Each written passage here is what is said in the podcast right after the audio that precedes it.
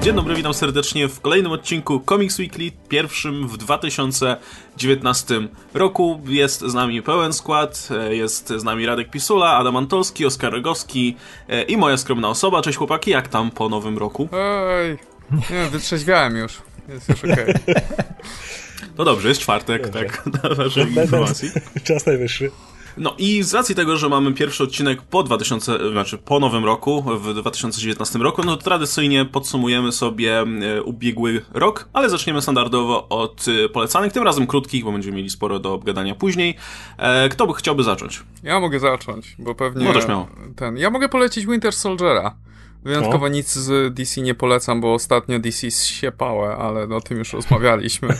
E, ten Winter Soldier, moim zdaniem, te dwa zeszyty, które wyszły, e, moim zdaniem są całkiem przyjemnym komiksem. Opowiadają oczywiście o Bakim, który e, postanawia wyruszyć w taką podróż, żeby nikt nie, nikt nie został wykorzystany tak jak on do jakiegoś projektu super żołnierza i tak dalej. I w trakcie, w trakcie przygody, w trakcie intrygi, która się zawiązuje, spotyka swojego, jak gdyby naśladowcę, doppel doppelgangera, który chce go zabić i tak dalej. I e, historia zaczyna się, historia zaczyna się taką bardzo intrygującym premis, który mnie, który mnie bardzo jak gdyby jara i ciekaw jestem, co będzie dalej. I dlatego właśnie polecam ten komiks. To będzie jego taki Damian Wayne, nie? Ewidentnie wygląda. Mam nadzieję, to by było fantastycznie, jakby wiesz, zostali. On będzie jako sidekick, już jest potwierdzone? Tak, tak, to będzie no jego to... sidekick i będzie miał gość, y, dzieciak, który całe życie uczył się tylko mordować i nic więcej, i teraz Baki będzie musiał go e, trochę, trochę naprostować. No to jest de facto Damian Wayne, tylko że zamiast Batmana. Tylko, że wychowany przez starszego Damiana Wayne'a. I to no jest tak. zajebiste praktycznie. Jest masz dwóch Damianów w cenie jednego. Okej, okay. i to będzie mini z tego co widzę, tak? Pięć zeszytów, ale rozumiem, że istotna w jakiś sposób dla status quo postaci. Okej.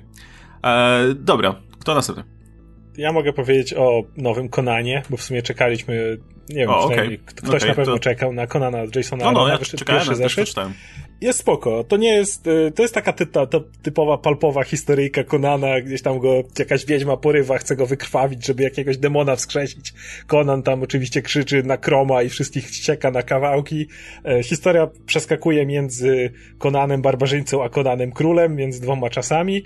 E, to nie jest jakieś wybitne dzieło czy coś takiego, ale to jest to, czego bym się spodziewał po Konanie, więc to dostałem jakby, no. Konan, który zabija jakieś szkielety, pije piwo, nie wiem, to, to jest Conan, więc, więc jest okej, okay, no. Mogę polecić, jeżeli ktoś tego spodziewa się pokonanie, to to dostanie. E, no i masa osób się obawiała, że z racji tego, że to będzie e, Conan e, tworzony przez współczesnego Marvela, no to będzie ugrzeczniony i tak dalej, ale nie jest, jest tak jak te klasyczne Konany. Mhm. Jest, Chodzi se wiedźma z oderwaną głową, nie? No jest dużo golizny, dużo przemocy, dużo krwi. jest ładnie zilustrowany, aczkolwiek ja pamiętam, że jak ogłoszono, że Mamut As Asar, tak się nazywa ten rysownik, będzie, będzie odpowiadał za ołówki w tym komiksie, to byłem zaskoczony, bo to nie jest nie jest gość, którego bym kojarzył właśnie z, z tego typu komiksami. On do tej pory typową superbohaterszczyznę rysował, między innymi pierwsze zeszyty X-Men Red, jeśli ktoś pamięta.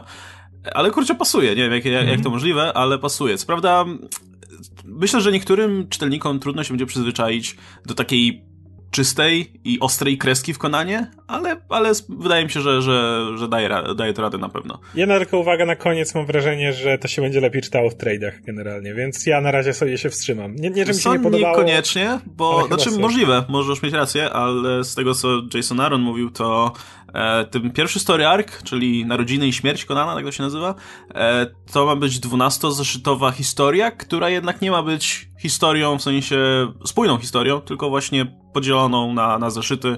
Każdy zeszyt ma być trochę o czym innym i tylko ten motyw wiedźmy ma być, ma łączyć to w jakiś sposób. Okej, okay, no to jeszcze sprawdzę drugi zeszyt, ale właśnie przez to, że cały pierwszy zeszyt dotyczył w sumie tej wiedźmy, to miałem wrażenie, że z tego buduje się większa historia.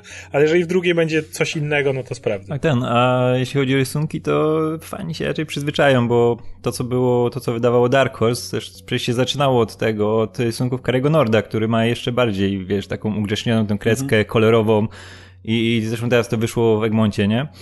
I, I wydaje mi się, że to jest takie delikatne przejście. Szczególnie, że tam później też, też ten Conan skakał między tymi, wiesz, tymi brudniejszymi rysunkami, a tymi, tymi takimi przyjemniejszymi, no, nie, nie, nie, wiesz, nie, nie, nie kojarzącymi się z Conanem mm. Schwarzeneggera od razu. I, i, nie, no, też nie sądzę, żeby hmm. Asar tam przez 12 zeszytów to ilustrował, nie? No, no wiadomo, nie, nie, ktoś będzie musiał zmieniać, więc y, nawet jeśli komuś, jeśli kogoś nie będzie to satysfakcjonować, to myślę, że, że będą się tam pojawiać inni, inni rysownicy. I tak jak przy Star Wars, raczej będą wrzucać do tego komiksu raczej tych wysokoprofilowych twórców, nie? No bo jest jednak w miarę popularna marka. Może nie tak jak Star Wars, ale jednak.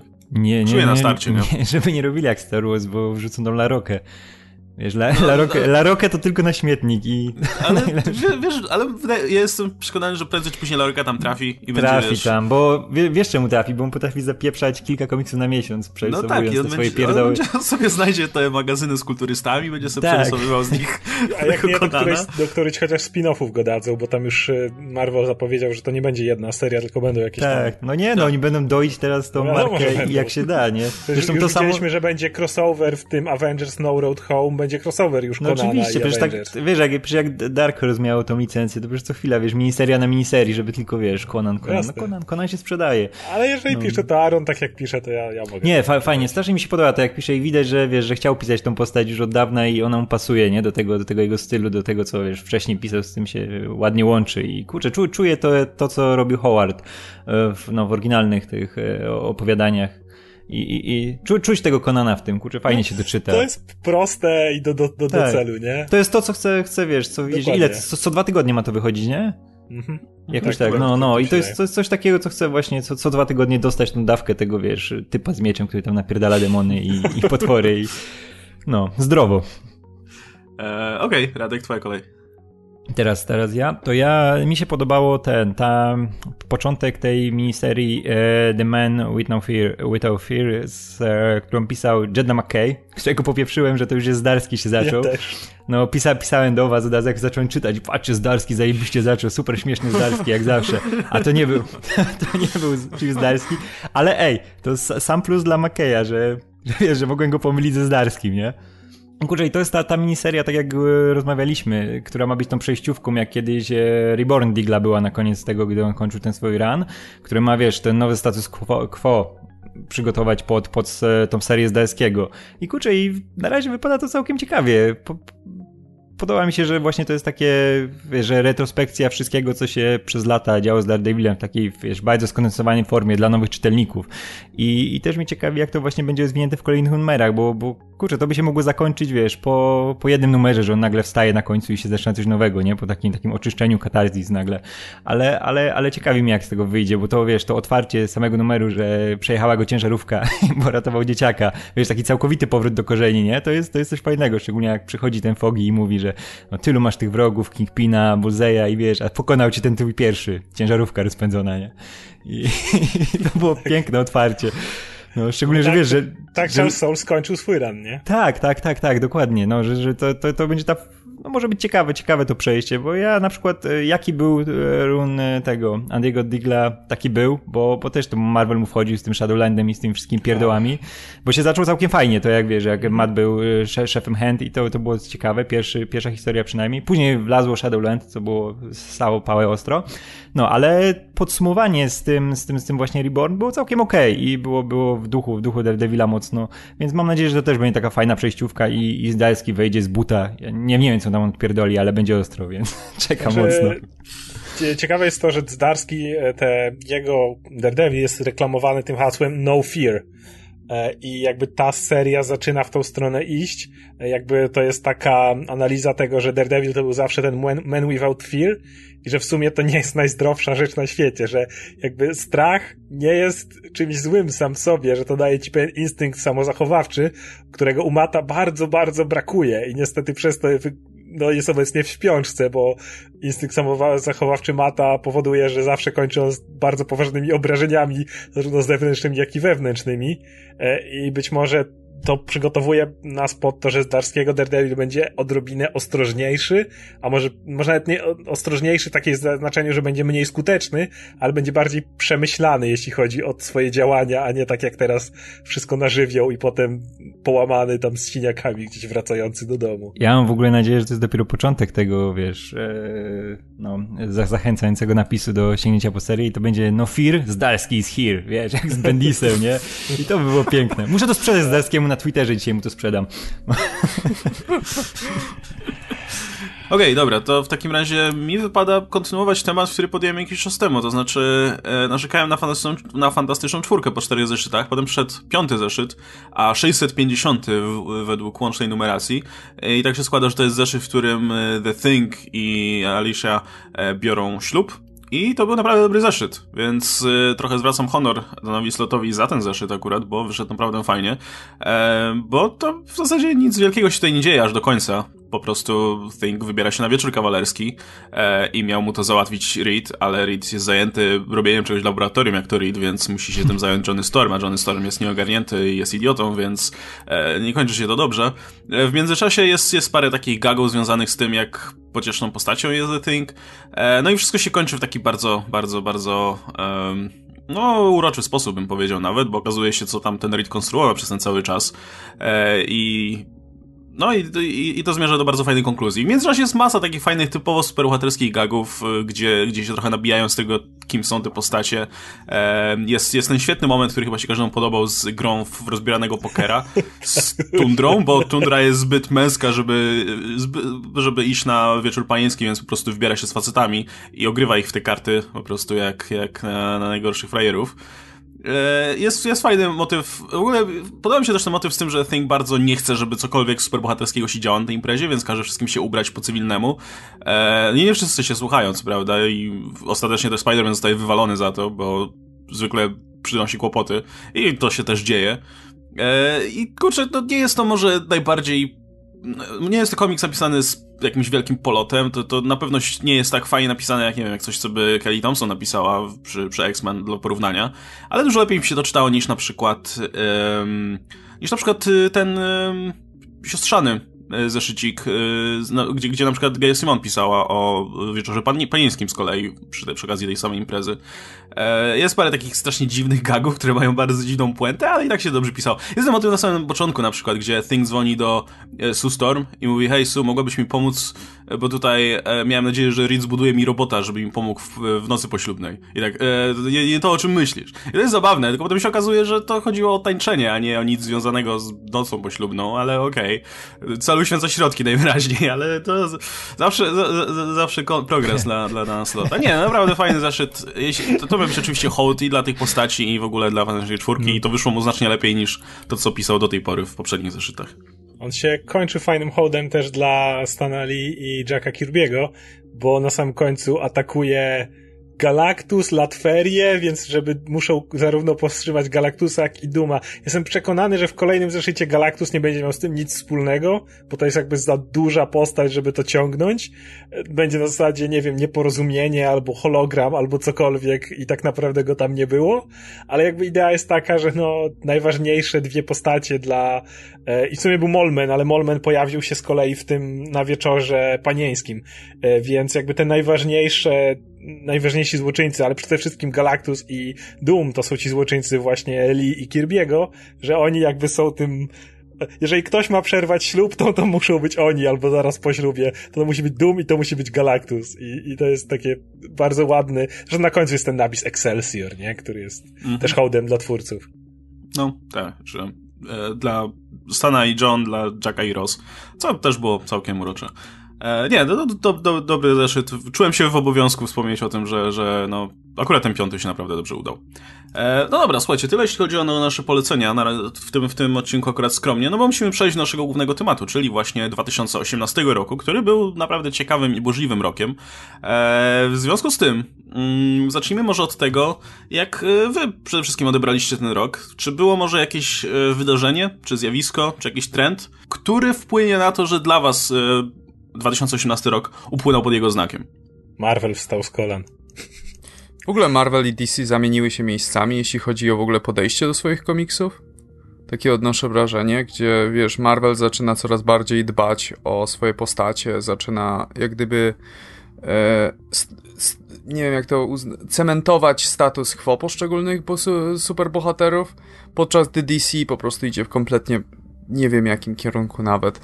E, je, jest ogromny chaos w tym wydawnictwie. Zresztą robiliśmy o tym cały podcast i, i jeszcze pewnie porozmawiamy o tym w trakcie, ale to, to, była, to, była duża, to była duża zmiana, jeśli chodzi o jak gdyby kierunek obu wydawnictw. Zastanawialiśmy się, pamiętam, czy mm, przyjście CV Cebulskiego faktycznie coś zmieni, czy e, po prostu będzie sobie wszystko to leciało tak jak leci. E, I okazuje się, że z biegiem czasu, na drodze w sumie ewolucji, bo to nie były jakieś gwałtowne nagle, nagłe zmiany, e, te zmiany się faktycznie dokonały, bo to też nie jest tak, że ci nowi twórcy, o których też wspominaliśmy w jednym z poprzednich odcinków, się pojawili nagle, bo to nie jest tak, że Kelly Thompson nagle zaczęła pisać serię dopiero kiedy się zmieniła Warta, bo ona pisała serię wcześniej. Tak samo Tom Taylor, tak samo Chip Zdarsky, i reszta. E, ale w międzyczasie oni zaczęli pełnić coraz większą rolę. Ta stara warta poszła w odstawkę troszkę. W zasadzie DC przejęło wielu tych twórców. Z J. Willow Wilson, która, co by nie mówić o jej wkładzie, na przykład w e, Miss Marvel, no to no, wypaliła się mocno. Wypaliła się, no. To, to, wydaje mi się, to też na papierze przynajmniej, nie wiem, nie czytałem jej Wonder Woman. E, więc nie wiem, jak, jak, jak, jak, jak to tam idzie, ale wydaje mi się, że to też, tak jak o Bendisie mówiliśmy, że to był, był transfer, który miałby sens, bo być może e, skorzystaliby na tym i skorzystaliby na tym i wydawnictwa, i czytelnicy. Mm, no ale w międzyczasie się ta zmiana dokonała i też wydawniczo, nie? To, to zostało mocno poukładane. E, I pod, wam to zestawienie, e, ostatni plebiscyt Reddita, który oczywiście nie jest żadnym prestiżowym tutaj zestawieniem, ale jeśli użytkownicy Reddita, z, wiecie, zwykli czytelnicy, e, przyznają tytuł najlepszego wydawnictwa Marvelowi, no to coś jest na rzeczy, nie? Bo, bo zazwyczaj, ma, bo w ostatnich latach, o tym też wspominaliśmy, no Marvel zwykle obrywał po głowie za, za wiele swoich działań, a teraz nie mamy ani zalewu jedynek, nie mamy zalewu eventów, e, mamy masę fajnych serii, więc no faktycznie jest to coś, co szczególnie w kontekście, nie wiem, dwóch poprzednich lat e, rzuca się w oczy. Jest ogromna zmiana do tego, co, co mieliśmy do tej pory. To, to chociażby jak eventy są prowadzone, to akurat to trochę pod, pod, y, podpatrzyli, co robiło DC, e, ale, ale to jak najbardziej dobra strona, jeśli chodzi o eventy i to, że na przykład było w tym roku fatalne Infinity Wars, ale można było je olać, bo można było sobie czytać wszystko nie patrząc na to. Był Spider-Geddon, który mógł się podobać lub się nie podobać, ale nieważne. Amazing Spider-Mana można było czytać niezależnie od tego. Jakby eventy, które już nie wtryniają ci się w główne serie. To jest jakby jedna świetna rzecz. E, tak jak mówiłeś, serie, które trwają i nie są anulowane w 5 sekund jakby. Jeżeli seria ma być e, zauważyliście w tym roku, że jest cała masa serii, które z góry są zapowiadane na 5 zeszytów, 6 zeszytów, 12 zeszytów. Już nie ma tego ciągłego podchodzenia na zasadzie, że też ze strony czytelnika, że nie wie w co inwestować, że ej, kupi, kupuje jeden, dwa zeszyty, tak jak było z moim ukochanym nową, a potem na siódemce, sorry, ale kończymy, a miesiąc wcześniej twórcy mówią, jakie to mają wielkie plany na przyszłość tych postaci. I, i inwestycja pewna taka, nie tylko finansowa, ale też e, czasowa i w ogóle emocjonalna w jakiś sposób, wszystko to się e, sypie. A teraz jest tak, że dowiadujemy się, że właśnie Winter Soldier, tak, pięć zeszytów i koniec. Jeśli to podchwyci, możliwe, że będą chcieli to kontynuować. E, I czasami to jest przedłużane. Na przykład Domino, która będzie miała teraz te, nie wiem, chyba 12 zeszytów. Ta seria jest zakończona. Będzie miniseria teraz e, z, dom, z ekipą Domino na przykład, którą dalej Gail Simon pisze i zobaczą co dalej, ale na razie będą, nie będą jakby, nie obiecują gruszek na wierzbie i nie wiadomo czego. Jak e, seria wiadomo, że ma szansę się rozwijać, to wiesz te, w tej chwili jak kupujesz serię, że jest to ongoing, że będzie to prawdziwy ongoing, a nie coś, co jutro się skończy. I to jest według mnie rewelacyjna zmiana, coś o czym, co krytykowaliśmy, w sensie przeciwność tego, krytykowaliśmy właściwie od kiedy chyba Comics Weekly istnieje. Tak, zresztą ten model jest dużo lepszy dla, też dla scenarzysty, który może sobie po prostu rozplanować historię historię, na ile tam zeszytów, ile ma mini i ewentualnie po prostu zostawić otwartą furtkę, jeśli, jeśli by się dobrze sprzedało. E, natomiast właśnie ja pamiętam, jak wychodziła ta seria nowa, która zaczynała się świetnie, i potem jak gdyby czujesz, czujesz ten moment, w którym nagle powiedzieli im, że okej, okay, musicie kończyć bo nagle historia cała zaczyna się zawiązywać i tak dalej. I wydaje mi się, że taka, taki, taki model, gdzie robisz najpierw mini i potem zobaczymy, no to jak gdyby daje też szansę scenarzyście dać lepszy produkt czytelnikowi. To bardzo fajnie rozwiązano to na przykład przy okazji tych rzeczy, które Matthew Rosenberg pisał, gdzie dostał kilka miniserii, e, które były o bardzo różnych postaciach I być może było to zaplanowane od samego początku, a być może po drodze e, razem z redaktorami się zastanawiali, jak to poprowadzić. Ale teraz będzie pisał, będzie dalej odpowiadał za tytuły, główny tytuł z X-Men, gdzie znajdą się postacie, które wcześniej pisał w tych miniseriach, które miał okazję e, ustawić pod pod tę serię, powiedzmy, poprzednio, nie? I gdy, gdyby, powiedzmy, te, te miniserie nie wypaliły, albo gdyby plany wydawnictwa się zmieniły, no to okej, okay, koniec tych miniserii i do widzenia, nie? A, a, Ale masz sposób... miniserie, nie? No, masz, masz fajne miniserie, a w ten sposób i tak można to e, w ciekawy sposób kontynuować. No i przede wszystkim, Ale kurczę, jest... nie ma tego, mhm. nie ma tego poczucia, że co chwilę muszą wywracać wszystko do góry nogami. To jest coś, co mnie irytowało najbardziej i myślę, że wielu czytelników.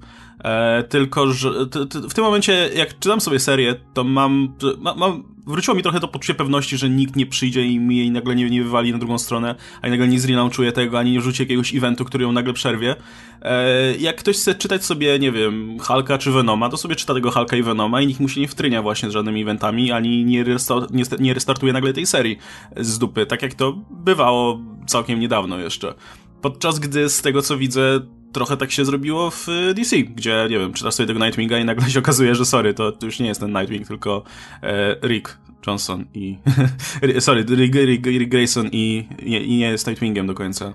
Jeszcze wracając na chwilę do tego, to jest więcej takich przypadków, nie? Jak było na przykład z tą Roki Gambit, miniseria i teraz mamy Mr. and Mrs. X Ongoing, który będzie jeszcze trwał i trwał. Donny Cates, który najpierw zrobił swojego Thanosa, potem przeszedł w Go y, Cosmic Ghost Ridera. Wszystko było zapowiedziane dokładnie na ile zeszytów pójdzie i teraz y, reperkusje tego będzie w jego ongoingu Guardians of the Galaxy, nie? Więc to wszystko działa dokładnie tak jak mówisz i przez to ma taką dużo większą płynność tego czujesz, dużo jest to bardziej dokończone, a jeśli chodzi o te eventy, to później najwyżej masz y, w dwóch zdaniach jakieś podsumowanie. Ej, bo ostatnio robiłeś coś tam i coś tam na dole, jak chcesz wiedzieć, to sprawdź sobie ten event, nie? Ale to jest na zasadzie bardziej dodatkowa informacja, co ten bohater porabiał, jeżeli jeszcze cię to interesuje, ale w żadnym miejscu nie było to na zasadzie, o kurde, straciłem wielką historię, ten bohater ma zupełnie nowy status quo, w ogóle nagle była przerwa i nagle dostaje historię, wiesz, pięć lat później. Nawet, no popatrz na ten Spider-Geddon, jestem przekonany, że jak skończy się obecna historia Amazing Spider-Man, ta z Jamesonem, która jest obecnie, to będzie gdzieś wspomnienie, a bo ostatnio tam z Inheri- u Milesa to było, a skopaliśmy tych inheritorów, jestem zmęczony, dobra, idę do szkoły wszystko, nie? I to jest, to, to, to jest dużo lepsze, to jest dużo lepsze rozwiązanie. A mi się ten bardzo też podoba właśnie jak ci, ci nowi, nowi scenarzyści świadomie swoją markę budują, nie?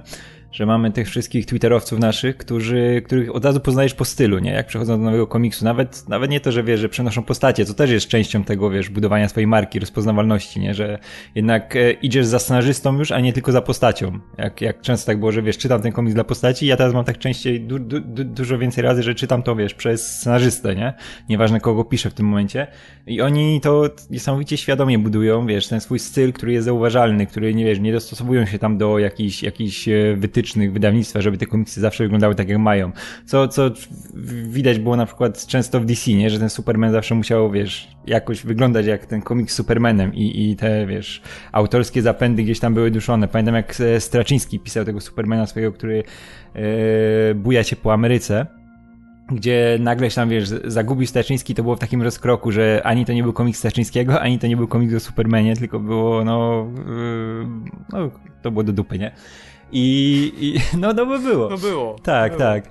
I wiesz, nie było tego. I miało swoje momenty. Mia, no, te momenty, no, który, z których tak, miało takie. Na początku. Tak, miało te swoje początku. momenty, z których wiesz, ludzie memy robili później w necie, nie? Superman skurwysyn, bo tam goni imigrantów, nie? I każe im spieprzać ziemi, nie? No, tak, tak to wyglądało, ale wiesz, ale nie było czuć, że to jest Straczyński, nie? A wiemy, jak pisze, jak wiesz, Staczyński coś swojego, czuć, że to jest Staczyński, no to czuć nim, tak jak było z, na przykład ze Spider-Manem, nie? Że to było czuć, że to jest jego komiks i teraz mamy o, tych... w Spider-Manie też było kilka e, momentów, gdzie było, było ale wiesz, wpływ wydawnictwa. Tak, na, na koniec, tak, tak, to się, to się rozpieprzyło, ale wiemy też jaka była wtedy sytuacja w Marvelu, gdzie oni cisnęli, żeby nie było tego związku, nie? I, i ten.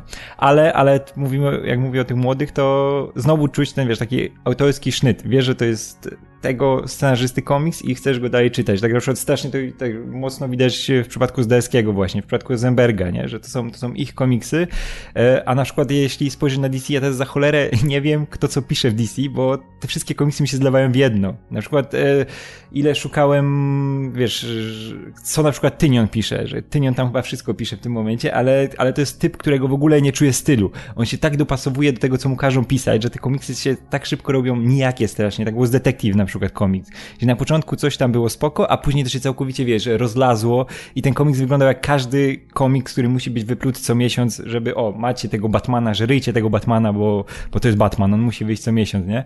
I co dwa tygodnie. Co dwa tygodnie. Jak w Marvelu tak. Kalenban, nie? No, ale to Marvel też ma swoich Humphreys'a i tych gości, którzy są przezroczyści jak ja, tak. od dawna, oddali, oddali go. O, gdzie on teraz jest? No w DC. O, ja pierdolę. Jest, ma kontrakt na wyłączność. O, o Boże, jedna rzecz, którą w życiu bym nie chciał mieć, to kontrakt na wyłączność z samym Humphreysem. Ja pierdolę. No, przecież razem, no to mówiliśmy kiedyś o Złotym Dealu. Wzięli Abneta dobrego i wzięli Humphreisa. I to, no, nie wiesz, Marvel był na zasadzie, okej, okay, możecie no. wziąć Abneta, ale Humphreisa zabieracie. DC ma tego pecha też, że jak trafi na kogoś, kto ma rozpoznawalny styl, to jest na przykład taki Benjamin Percy, który jak widzisz jego styl, to chcesz spieprzać, nie?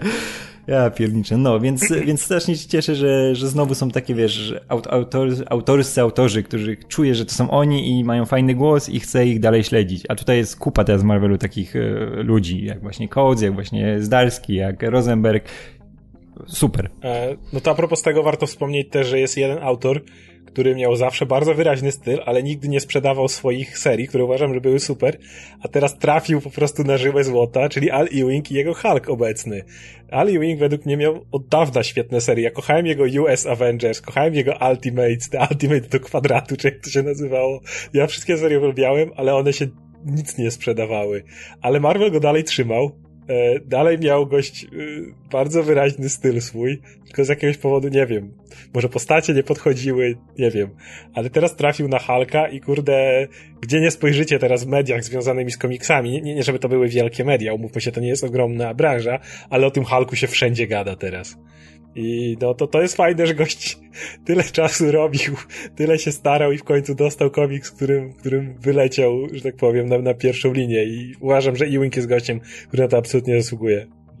Ja myślę, że też dobrą robotę robią właśnie z zarządzaniem ludźmi po prostu. I to myślę, że no w tym pewnie dobry jest CBC Polski właśnie biorąc pod uwagę, że no zajmował się choćby rekrutowaniem talentów, e, że no w międzyczasie podziękowano, to poniekąd też pewnie zasługa i, i, i wcześniejszego e, redaktora, że w międzyczasie podziękowano paru redaktorom, którzy już, którzy wcale nie pisali źle, ale na pewno już jakby mieli ten swój okres um, Prosperity za sobą i się trochę wypalili, szczególnie pisząc super, superbohaterów, bo na przykład Rick Remender dalej pisze świetne Deadly Class, dalej tworzy nowe serie y, dla siebie, ale już w tych superbohaterach, no powyżej pewnego poziomu już nie wyszedł, nie? Jakby to, to, co najlepsze pis, to, to, co najlepsze pisał jakieś tam parę lat temu, potem już raczej była średniawka. No i podziękowano mu bez żalu, w to miejsce przyszli nowi i, i dobrze się to skończyło i dla Ricka Remendera, i dla Marvela, i dla nas, czytelników.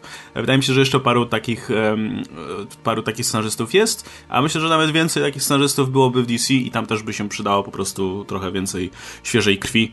Um, no ale to o tym już mówiliśmy, tam postawiono z jakiegoś powodu na artystów bardziej. E, choćby przy okazji wymyślania postaci nowych. E, co ciekawostka, w tym samym zestawieniu Reddita najlepszą nową postacią został Sideways co e, jest trochę wbrew tutaj naszej bece z New Age of Heroes, ale hej, może się faktycznie wśród niektórych czytelników przyjął. A może był jedyny w zestawieniu, nie wiem. Może żadnej nowej postaci nie wymyślili w tym roku. Tylko... No nie no, wymyślili przez cały zastęp tych nowych postaci, więc... Ale co jakby się zastanowił, to no, ale... licząc właśnie New Age of Heroes, tak to, to może on z New Age of Heroes jest najlepszy po prostu, no. bo jeżeli o tym się już no w ogóle o nowych postaciach w tym roku, no, no to... to mi chodziło, że właśnie oprócz tego New Age of Heroes to tak nie, nie, nie, nie był to rok wymyślania. nie było, no właśnie o to chodzi. No tak, ale to już jest szerszy problem, o którym wspominaliśmy wcześniej. Okej, okay, słuchajcie, czy coś jeszcze rzuciło wam się szczególnie w, e, w oczy, jeśli chodzi o ubiegły rok? Bo na pewno e, to, to ma oczywiście związek z tym, co mówiliśmy do tej pory, ale przejście Briana Michaela Bendisa do DC na pewno się obiło echem sporym. I czkawką. E, I co, co, no właśnie nie do końca, to znaczy dla nas, z naszej perspektywy tak, ale ja widzę w ogóle w wielu zestawieniach najlepszych komiksów, bo sobie przyglądam z ciekawości, e, że te komiksy Bendisa tam się znajdują i wszyscy chwalą, znaczy nie wszyscy, ale masa osób naprawdę chwali tego, tego Supermana. E, w wielu zestawieniach najlepszych zeszytów tego roku były w ogóle jakieś tam zeszyty Action Comics. Więc y, no, niektórym osobom się może faktycznie podoba. Więc... Może być y, też opłacone, jak ty z Marvelem, więc cholera wie. No, no nie wiem, czy płacę im tyle, tak jak mi Marvel, ale... Tutaj e, nie chcę obecnie... E, nie, nie chcę powtarzać się, natomiast e, uważam, że e, to, o czym mówiliśmy swego czasu, czyli że Spider-Man wreszcie dorósł w tym roku, ale to, no nie chcę mówić, bo Mówiliśmy o tym sporo w e, poprzednim Comics Weekly, ale to też jest duża rzecz, która wreszcie się wydarzyła. No generalnie, jak gdyby ten run Spencera to jest jak gdyby jeden największy progres w tym roku, bym powiedział. Jak gdyby wreszcie pozwolono, pozwolono Spider-Manowi e, jak gdyby rozwijać się jako postaci i to jest, co, to jest coś niesamowitego, dlatego że widzieliśmy jaskółki tego, drobne jak gdyby zmiany charakteru u Slota, ale to zawsze było tymczasowe. Zawsze było takie, okej, okay, Spider-Man jest na ten tydzień starszy, a potem wracamy do status quo szybko. I nie wiem, być może, że, y, może tutaj będzie tak samo, ale przynajmniej na razie wydaje się, że to w jaki sposób opowiada historię o, o Spider-Manie, w jaki sposób prowadzi te postacie, to to są rzeczy, które ciężko będzie po prostu od tak sobie porzucić. I, yy, I dlatego wydaje mi się, że w ogóle Spencer no, niesamowite rzeczy w tak krótkim czasie zrobił ze Spider-Manem. W ogóle jaki to jest dziwny rok, bo masz, wiesz, odrodzenie Spidermana takie, wiesz, jakiego mm -hmm. nie było od lat, nie? Na każdym, wiesz, gry, e, filmy, komiksy i w tym samym roku dwóch wujków Benów mu odeszło, nie? Bo i, i, i e, Ditko i Stan Lee, ale to wiesz, wiesz, wiesz, takie... Kurczę, no. Tak, ale to też jest rok, gdzie oglądaliśmy na dużym ekranie dwa razy, jak Spider-Man umiera, więc No, wiesz. o, no, tak przypadek. E... Nie sądzę. e... Okej, okay, jeszcze dwie rzeczy, które, które myślę, że zapamiętam e, z 2018 roku. Po pierwsze, powrót Fantasy czwórki. I to, to już mówiliśmy, że no, z mieszanymi uczuciami póki co przyjmujemy ten powrót. Jakby sam powrót fajnie i cieszę się, że ten, ten zespół wrócił, bo szczególnie kiedy e, jedni bohaterowie tracą fokus na rodzinę, myślę, że przydadzą się inni, którzy będą go mieli. E, no, a druga rzecz, no to jest ten trochę, no, zakopanie Rebirth pod dywan, niestety. I tych, powiem górnolotnie, tych wartości, które przyświecały Rebirth, żeby, e, żeby przywrócić to co, to, co fani kochali w DC najbardziej. E, okazuje się, że no, to, ten, ten, to, to zostało zawrócone i, i wielka szkoda. No to się związało z jakimiś wewnętrznymi, wewnętrzną polityką DC, jakimiś zagrywkami pomiędzy Jeffem Jonesem i Danem Didio i do końca nie jesteśmy w stanie powiedzieć, jak to wyglądało i dlaczego tak się stało. No ale wiesz, to jest też problem z tym, czym to zostało zastąpione, prawda? No bo ja bym spokojnie przyjął zakończenie y, DC Rebirth, że okej, okay, już, już przywróciliśmy to, co było najważniejsze i teraz możemy prowadzić historię od tego punktu w innym, w takim kierunku, jaki nam się podoba.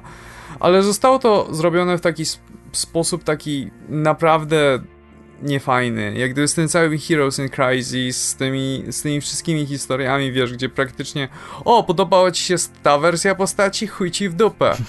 I... Więc jak gdyby to było potwornie niesmaczne i, yy, i niestety odbiło się moim zdaniem w dużej mierze na jakości komiksów. Też to jest związane z Bendisem, o którym mówiliśmy wcześniej, bo Bendis jak gdyby e, wystrzelił rodzinę Supermana w kosmos. To jest pi pierwsze, pierwsze, co zrobił, jak gdyby Bendis, jak przyszedł do DC, tak, o, Superman ma rodzinę, wypierdalać. E, i, I to jest troszeczkę takie smutne z mojej perspektywy, jak gdyby, jak robiliśmy sobie taką, zrobiłem sobie w ogóle notatki na ten, kurde, odcinek i, powiem, i w, moim w miejscu na największe rozczarowanie to u mnie jest w ogóle DC jako całość. dlatego, że DC w tym roku było naprawdę dla. Szczególnie dla gościa, który wiesz, jest związany z tymi wszystkimi postaciami, z tymi wiesz, historiami, autorami, z całym wydawnictwem, jego historią bardzo kolorową. I w tym roku, jak gdyby DC mnie w dużej mierze zawiodło. A tu jeszcze dodać do tego, do tego kopania DC, to mi strasznie szkoda, że w zawieszeniu jest e, imprint Young Animal. No to jest ogromna szkoda, no. człowieku. Young Animal to było najlepsze, to co DC jeden... miało od lat. Tak, to mogły same kapitalne serie i to jest jedyne, co czytałem, wiesz, na tak. bieżąco wszystko z DC Ale z tego. Wygląda na to, że oni nie mieli dokładnie pomysłu, jak go sprzedać, jak go zrobić. To było na zasadzie takie wrzucamy eksperymentalne rzeczy, które mogą się podobać, ale no tak, bardzo, to, to... według mnie to powinno... Wiesz co, przykład... tylko, że to nie są rzeczy, które się od razu ci sprzedadzą. To no, nie jest mówię. coś, co rzucisz shade, no nie, changing, tak. to są, wiesz, na rynek i to jest, tak jak, to jest, to jest tak jak było z Vertigo, nie? że to są rzeczy pod trady. Dokładnie, tak. to, jest, to jest właśnie taki, e, tego typu treść, z którą eksperymentujesz z formatem. Albo próbujesz to zrobić w grubszych zeszytach, tak jak Marvel teraz się bawi z tymi swoimi e, Iron Fistami, Jessica Jones i tak dalej, gdzie wali te tylko cyfrowe dwuzeszytówki. Albo tak jak właśnie mój Radek, to jest zdecydowanie pod trady. No, tego typu treści nie sprzedajesz jako typowe superbohaterskie zeszytówki, bo to nie pójdzie, no i Ale wiesz, i też jeszcze naszło to, że oni zaczęli ostro reklamować Sandman Universe, nie? Które miało być tym głównym reklamowanym imprintem, ruszył i, i też, no, jeśli mieli w coś ładować kasę, no to tam, gdzie jednak, wiesz, siedzi nazwisko Gaimana, nie? I, i ten świat ustawiony i też to ustawiło. A jednak ten Sandman Universe zaliczył Falstart, bo te serie no nie łapią cię w taki sposób, jak od początku łapały właśnie te z e, Young Animal, nie? Gdzie były świeże, gdzie były, wiesz, dziwne, chciałeś wiedzieć, co będzie dalej, te postacie były też świeże, a w e, Sandman Universe to masz, wiesz, jednak e, mielenie tego, co już było i, i... No właśnie to jest dla mnie strasznie cyniczne i takie nie do końca, wiesz,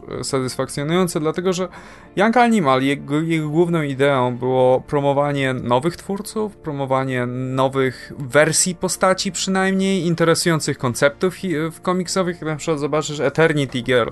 Eternity Girl jak gdyby jest pełne różnych, wiesz, konceptów komiksowych inspirowanych starymi komiksami DC i Marvela. E, podczas gdy Sandman to, no, to jest to jest, to jest Sandman. Tak, tak. Wiesz, I to przykład... jest, wiesz, to jest ustanowiona już marka. To nie jest, jak gdyby, to nie jest eksperymentalne pole, gdzie masz wiele różnych postaci, wiele różnych komiksów dla różnych typów czytelników. Nie, to jest po prostu wiesz, fanserwis tak, Sandmana tak. i... Jak masz tego, wiesz, Books of Magic, który się zaczyna do praktycznie tak jak stare Books of Magic, nie? Ja mówię, no dobra, no. ja mam stare w trade'ach, mogę sobie stare poczytać dokładnie to samo, nie? Po co, po co odświeżać akurat tą historię? Czemu nie coś nowego, nie? Szczególnie wiesz, to będzie widać po latach, jak, jak to się wszystko zestarzeje i wiesz, że te rzeczy z Young Animal będą bliżej kultu zdecydowanie niż to, co pewnie będą grzebać w tym Sandman Universe, nie? Bo już, już widzę, że na przykład ta e, Shade e, Changing Girl e, i Changing Woman później to to będzie coś, co wiesz, po latach będzie przypominane jako, wiesz, kurczę, no zajebisty komiks, jako klasyk, świeży, nie? tak, świeży, jeśli, nawet jeśli, wiesz, już o samą formę chodzi, jak to wygląda, nie, no przecież to jest, kurczę, coś, czego nie ma na rynku i, i chcę, chcę takie rzeczy oglądać właśnie. I to było miejsce na to, a nie na odgrzewanie kotletów, nie, szczególnie, że DC lubuje w tym, żeby było tak, jak było, nie, że, no, Plus, wydaje mi się, że to, wydaje mi się, że to w DC było naprawdę sprytnie zrobione wtedy, gdzie mieliśmy Young Animal, które były takie, wiesz, super bohaterskie historie, ale inne. E, I miałeś równocześnie Vertigo, które były bardziej takie stuprocentowo autorskie opowieści.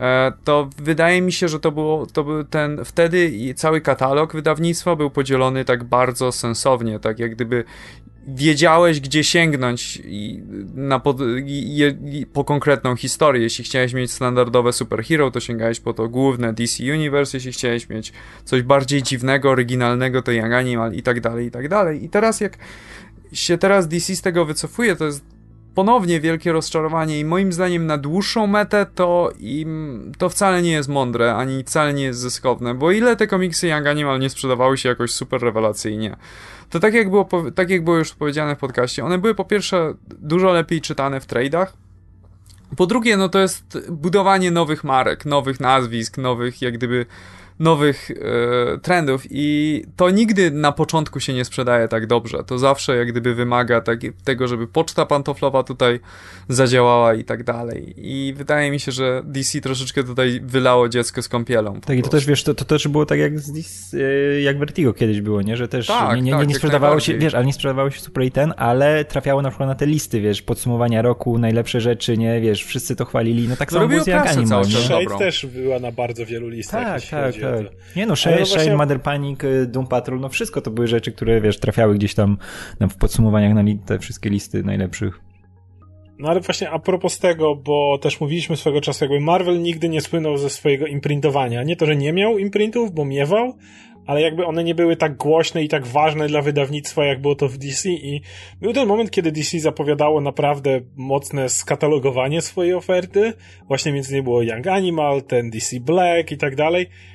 Ja mam wrażenie, jakby oni do tego jakoś tak bardzo teraz leniwie, niby to istnieje, ale tak jakby nic się wielkiego nie dzieje z tym wszystkim. No to Takie... właśnie cały czas się dzieje z tą polityką jakąś wewnętrzną w DC. Tam są jakieś straszne przetasowanie, straszne intrygi tutaj pomiędzy nie poszli wiesz, w to mocno, nie? A mówiliśmy, że to będzie moc... coś takiego uderzenie, że teraz o, będą tu pokatalogowane i będziemy mieli bogatą ofertę, to tu, to tam, a masz wrażenie jakby tak, co z DC Black wyszło? Dwa zeszyty? Dwa jakieś sumie? No Batman Damned wyszedł. I no, chyba ta Wonder Woman miała być jeszcze, ale nie wiem, czy wyszła w końcu. No chyba, chyba, nie. Miałeś Wonder Woman? Miała być jakaś Wonder Woman jeszcze z DC Black. Nie, nie wiem w tej chwili, prawdę mówiąc. No, no to dobra, to nie, wyszedł... Nie, to, ja to nie wyszedł Wiem, jeden... że na pewno wyszedł Batman Damned. To... Ja czekam cały czas oczywiście na Supermana od Franka Millera, ale to jeszcze... No nie wiadomo, ale no to właśnie premiery. wyszedł jeden komiks, nie? I tak... No gdzie te, gdzie te imprinty tak naprawdę, nie? Ten Sandman. Universe hmm. też na razie... No nie wiem, mia miało to być takie coś, co odróżni DC mocno na tym etapie od Marvela, a masz wrażenie jakby komuś, nie wiem, inicjatywy zabrakło. Ktoś się napalił, a potem stwierdził, a no bo wiesz, bo wiesz, że DC tak, tak działa, tak to wyglądało przynajmniej, że nagle, wiesz, pojawia się ten e, Gerard Way z tą swoją, wiesz, całym pomysłem na Young Animal, no wiesz, wpierdalamy wszystko w to, będą serie, będzie ten, będzie się działo, nie? I, a wiesz, że to musi chwilę potrwać, zanim to zacznie, wiesz, przynosić zyski i, i ogólnie no będzie pewnie, działało, nie? A tutaj nie, nie, nie działa to, ale czekajcie, Gaiman ma, wiesz, chce tego Sandmana, tam coś wspomniał w jakimś wywiadzie, coś gada, to wiesz, to wpierdalamy ten, serię z Guy tego, Sandmana wracamy, nie? Bo jest, jest na to ten. I wiesz, że to też... później Frank Miller będzie znaczy... jednak coś pisał. Oto dajmy mu imprint, żeby tam też miał gdzie no. pisać, nie? I... Wiecie, szczerze, no ja, ja tutaj nie chcę disować Sandmana w jakikolwiek sposób, to jest oczywiście klasyczny komiks, który każdy powinien przeczytać, mm. ale e, no cholera jasna, nie jestem pewien, czy Sandman wystarczy, żeby utrzymać cały imprint. Tak, wiesz, I, Sandman działał... Wiesz, patrząc, wiesz, tymczasowo pewnie, jak gdyby masa ludzi zerknie z ciekawości i tak dalej, ale wydaje mi się, że na dłuższą metę to to, to, może, to może bardzo odpalić mhm. źle na wydawnictwo. Szczególnie, że wiesz, że Sandman działał jako, wiesz, ta jest seria regularna, którą tam Ta. później, wiesz, grzebał Gaiman i to chodziło o to, że Gaiman przy tym grzebał, wiesz, nie był tylko tym, który nadzorował, tylko jednego on to pisał, to był jego pomysł i ten. I do tego, jeśli coś się pojawiało, to wiesz, jakaś okazjonalna miniseria, czy coś takiego. I tak, najczęściej... ale, ale jedną serię tak, tak, tak. I naj... serii, to był urok tak. Sandmana. I najczęściej jakby, też to było to, coś, tak, i najczęściej to było coś, co jednak przy czym też e, czynnie, wiesz, robił Gaiman, że, że on to robił, tak jak były miniserie ze śmiecią na przykład, nie, że to był ten jego świat. No a tutaj jest jednak tym tylko, który nadzoruje, a robi to ktoś inny i, i no to to już nie jest ten, ten Sandman, nie? W taki sposób, nie? Że zresztą ta historia Sandmana to jest to jest coś, co już jest dla mnie zamknięte w taki sposób, że tam było opowiedziane coś i teraz to jest takie, wiesz, tylko no, roz, rozciąganie tego w sposób dosyć sztuczny, nie? Żeby, o, bo Sandman, nie? Zresztą Sandman Universe, nie? Więc... Spokojnie, czekamy na Wonder Comics od Briana McKellen Bendisa skupionego na młodych bohaterach. To, to jest akurat coś, co może wypalić, bo e, wspomnieć o Mendisie, no to jak, jak mu się chce, to jest w stanie napisać fajnych młodych bohaterów. Więc może napiszę super komiks o Wonder Twins. Ale też się boję, że tego wiesz, jest już za dużo zapowiedziane, nie? Bo już tu jest. O Wonder Twins chyba ktoś inny pisze akurat, nie? Tak, tak, Mark On, on Young Justice ma pisać. Tak, on ma pisać Young tak, Justice tak, tak, i tak. E, Tom, Tom nową bohaterkę. I na, Naomi. Naomi, o. I, i co się... Skończy się jak, jak Riri Williams, pojawi się na 5 sekund i musi A nie, na pewno, na pewno tak będzie. I to już czuć. To jest Riri Williams tylko w DC, więc... No, tak samo będzie wyglądało. I też za dużo dostał tych serii. Czemu on nie weźmie jednej, wiesz, jednej z młodymi, jednej jakiejś... Mojego. Bo mojego w Marvelu było zawsze to samo. On brał po 10 no, serii ja... i przeskakiwał. Tak, myślę, że taki kontrakt dostał, no. Może, Jezu, ale on może w Marvelu miał tak samo i. Może, ale może. Wydaje mi się, że nie dostał takiego kontraktu. Wydaje mi się, że DC jak gdyby dało mu dużą, dużo wolnej ręki, jak gdyby wybierz sobie Bendis co chcesz i będziesz to pisał. I on sobie wybrał Supermana, bo to jest, wiesz, najbardziej klasyczna, najbardziej ikoniczna postać DC, to, to jest jakaś przygoda. Le lepiej wybrał Supermana i wybrał, wybrał Supermana, wygrał, wybrał drugiego Supermana, nie? A czemu nie? Tak. E, I, no i po, potem pomyślałem, ja w sumie napisałbym jakąś historię o młodych, to może jakiś, nie wiem, jakiś Young Animal, leciała taka animacja kiedyś, nie? Przepraszam, Young Justice. Young Animal. To za dużo o tym gadaliśmy. Dzieci mu powiedziały, że było takie coś. Było takie. No, i było to on mówi, to, to, to napisze pięć. No. I, no. Bo Może chcecie więcej dzieciaki, to ja załatwię. Ja bo jak zobaczycie, jak on... Jak napiszę napiszę po... je wszystkie, nie? Wszystkie Pierwsze to oddaj innym, proszę. Każdemu solową serię. Na początku, jak trafił do DC, to pisał tylko tego Supermana i to były dwie serie, co jest już samo z siebie słabe, dlatego, że jeżeli tobie Superman Bendisa nie odpowiada, to jak gdyby nie ma ucieczki. nie no, jest, będzie, będzie ucieczka w Superman Earth One od Franka Millera. No, o, o, super. Jeszcze nie, czekajcie, nie, niech, niech Benjamin Percy jeszcze zostanie serii z Supermanem, to ja będę w ogóle tak szczęśliwy. Tak, najlepiej, żeby prowadził Red Sun. O, tak, z jego poglądami to o. Tak. No. Social Justice Sun. Ej, ale wiecie, ej, a z tym jeszcze Bendisem, a może on wie, że on naprawdę się zmaga z jakimiś demonami wewnętrznymi, on musi napierdalać te komiksy, wiesz, tak w cholerę serii, bo on nie może, wiesz, chwilę być bez, bez zajęcia, nie? I oni mu tylko podsuwają ten, ten, wiesz, siedzi przy tym kompie, musi napierdalać te klawisze, bo jak na chwilę przestanie, to wiesz, nagle taki, jakiś, wiesz, zjazd albo coś, nie wiadomo, kurczę, może on naprawdę no Wiesz co, ja bym chciał, żeby jakiś psycholog się tym zajął, no, czy coś. Ej, bo tak wygląda, bo to czy, jest... czy faktycznie, czy to faktycznie nie jest jakaś, jakiś syndrom jakiejś nudy, czy coś takiego. Ale wiesz, jak u niego, bo... pisze jedną serię, to jest za mało bodźców, za mało, wiesz, Ale miałeś tak... ekscytacji w życiu. Tak... Musi, musi, musi pić. Ale wiesz, że ona mu się też nudzi po trzecim, czwartym zeszycie, jak czasem dociągnie pięć, to jest dobrze i musi ją dalej pisać, no. bo kontrakt go zobowiązuje, ale, wiesz, ale, ale on ale już jest tak zainteresowany tak w pewnym momencie jakby miał, nie wiem, że to wynika z kryzysu wieku średniego, gdzie on nabrał tych, wiesz, nagle jak tych X-Menów zaczął pisać, wiesz, że do, dopieprzył sobie ile się da, nie? Już zresztą w Avengers to było, że w pewnym momencie dobierał co się dało, tylko dodawał, wiesz, Secret, wiesz, e, Naked Avengers i inne te wszystkie wersje, nie? No. Wiesz co, może on powinien pisać same miniserie. Może to by było rozwiązanie. Jak gdyby, wiesz, jeżeli po pięciu zeszytach się nudzi jakąś postacią, to niech pisze same miniserie. Wszystkie po pięć zeszytów znudzi się, już, wiesz, do kosza. No. Albo niech weźmie dwa, wiesz, w różnych gatunkach, które lubi i dwie serie i niech je pisze dobrze po prostu. Tak jak, wiesz, jak kiedyś pisał. Pisał na przykład, wiesz, Ultimate Spidermana i Daredevila, nie? Dwa różne gatunki, dwa, które lubi, dwa, które czuje i były dwie świetne serie. A później... Ale wiesz co, jest też, jest też taka rzecz, że jak gdyby... E... DC ostro promowało Supermana Bendisem ja odnoszę wrażenie, że e, Superman to jest postać, której nie musisz tak ostro promować, bo chociaż już nie jest na pierwszym miejscu, jeśli chodzi o, wiesz, superbohaterów DC, no to jest nadal bardzo prominentna. Superman sam się sprzeda bez pomocy Bendisa. I wydaje mi się, że przyjęcie jak gdyby do, w swoje łona takiej postaci, takiego, boha- takiego, takiego scenarzysty, który już jest znany z samego nazwiska, dałoby możliwość jak gdyby wypromowania troszeczkę mniej znanych postaci, czy serii, czy zakątków DC, dlatego że wiesz, jeżeli byś miał na przykład The Question, e, Question mało kogo obchodzi, ma wąską grupę, wiesz, lojalnych, wiernych fanów, a reszta ma w dupie go. Natomiast Question pisany przez Bendisa miałby okazję jak gdyby przyciągnąć dużą grupę czytelników po prostu samym nazwiskiem scenarzysty. I to wydaje mi się, że to było bardzo głupie podejście ze strony DC, jak gdyby dawać Bendisowi najbardziej prominentne postacie, które i tak, czy serie, które i tak same by się sprzedały, bo jakby się no, seria Young Justice nowa, wydaje mi się, żeby się sprzedała z Bendisem czy bez niego, jak gdyby ludzie po prostu bardzo lubią ten koncept młodych bohaterów i chcą go widzieć jak najwięcej. Natomiast Bendis tutaj jak gdyby większy, więcej zeszytów nie sprzeda. Natomiast jego nazwisko miałoby szansę sprzedać jakieś mniej znane koncepty, mniej znane, wiesz, e, mniej, nie wiem, e, takie zakątki uniwersum DC, które nie były do tej pory jak gdyby szczególnie eksplorowane. I to wydaje mi się, że wiesz, że to jest dużo duże tak. rozczarowanie. Wiesz, jakby, jakby, jakby dostał, dostał też postać, która wziął postać, która też e, nie musi, wiesz, on nie dopasowuje do swojego stylu, tylko ona już mhm. pasuje do jego stylu, tak, że nie musi pisać Supermana jak Jessica Jones, a on w tym momencie pisze, wiesz, Supermana, który się zachowuje jak Jessica Jones, nie? Więc no to, Ale mógłby pisać, wiesz, The Question właśnie z René Montoya, no tak, i to by jak Jessica by... Jones i to tak, by było tak, idealnie tak. pod niego. Ale mamy Supermana takiego. Ale mamy Supermana. Z, kurde, Superboyem Prime. Tak. No, to jest zabawne, że wypieprzył Johna w kosmos i w, przywrócił go w kompletnie innym, no, w charakterze, a jednocześnie robi imprint no. z dziecięcymi bohaterami, gdzie ten poprzedni ale John nie, pasował nie, idealnie nie, przecież. Nie, nie może być. E, ale nie, Dobra, w takim razie to w sumie ładnie, ładnie nawiązaliśmy jeszcze do jednej rzeczy, która myślę, że tutaj była istotna w 2018 roku e, i, i tego, co się działo w DC, zamknięcia Ink Animal i tak dalej. No ale czas przejść w takim razie do e, bardziej takiego ogólnego podsumowania tego roku e, i postanowiliśmy, że zrobimy to w tym roku trochę inaczej, to znaczy będziemy jechać konkretnymi kategoriami i pobawimy się po prostu w przyznawanie nagród, e, gdzie, które będziemy oczywiście przyznawać. Comics Weekly Awards. Tak, wirtualnie, co prawda na razie... nagroda w ogóle. Najbardziej prestiżowa komiksowa Najbardziej prestiżowa, tak. Bo cztery osoby ją przyznają, więc wiecie, że jest super prestiżowa. Prawie jak Złote. To będą u nas...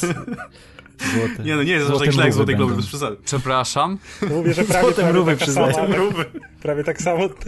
No, dobra, my okay, będziemy czytać Złote Mrówy. Dobra, dobra ja, oficjalnie. Złote Mrówy. Złote mrówy to, to, musimy zrobić z jakiejś masy papierowej figurki i wysyłać Już do jest postanowione. Już przeszło. No. No dobra, słuchajcie, to pierwsza, odwrotnie niż na Oscarach, bo my wiemy, jak robić taką imprezę. Zaczniemy od w sumie najważniejszej kategorii.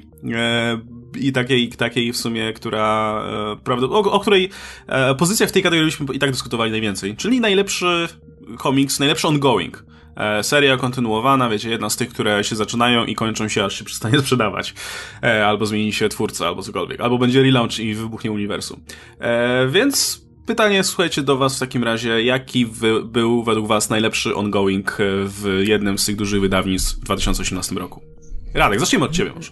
To ja nie, nie wezmę Halka, bo wiem, że ktoś powie o Halku, więc ja pójdę trochę inną stroną i powiem, że po, powiem szybko o dwóch. Mogę? Mogę, bo nie, nie wybiorę, ale to będzie... E, nie, Dobra. Nie to jak mam wybrać jeden, to chyba będzie... Komu przyznajesz złotą To ja, ja, to dla mnie najlepszym goingiem będzie... E, wiem, wiem, że powiecie te, które bym wybrał, więc ja powiem X-Men Red, bo się bawiłem znakomicie na tym. Tom Taylor dalej trzyma świetny poziom swoich komiksów. Kurczę, powiedział coś nowego z tymi X-Menami, wiesz, popchnął ich w nową, ciekawą stronę i fantastycznie odbudował Jean Grey, którą się strasznie bałem się jej powrotu, bo Jean Grey strasznie łatwo opisać no, słabo bardzo. tak, to jest, to jest najprostsza rzecz, jaką można Marvelu zrobić, to zepsuć e, Jean Grey, nie? I tylko niewiele jest osób, którym się udało, nie? Na przykład świetnie ją przywrócić, świetnie ją za, zawiodował e, Grant Morrison, nie? I od tego momentu, no to wiemy jak było. Czy to u Bendisa z tą młodą, nie? Czy, czy te inne tam jakieś zabawy z czasem i przestrzenią. A Tom e, Taylor miał na nią świetny pomysł i wiesz, zrobił tą swoją maxi-serię tak naprawdę, konkretnie ją zamknął, powiedział fajne rzeczy w niej, była świetnie narysowana, świetnie napisana, szczególnie jeśli chodzi o dialogi, to Taylor potrafi w dialogi jak nikt inny i ustawił Jean Grey w takim miejscu, że ona teraz spokojnie może zarządzać tymi X-Men i ma, nie, nie nudzi, nie jest tą wkurzającą Jean Grey, tylko jest świetną postacią, Pokaz, pokazane jest czemu ona nadal jest, na czym ma znaczenie w tym całym świecie Marvela.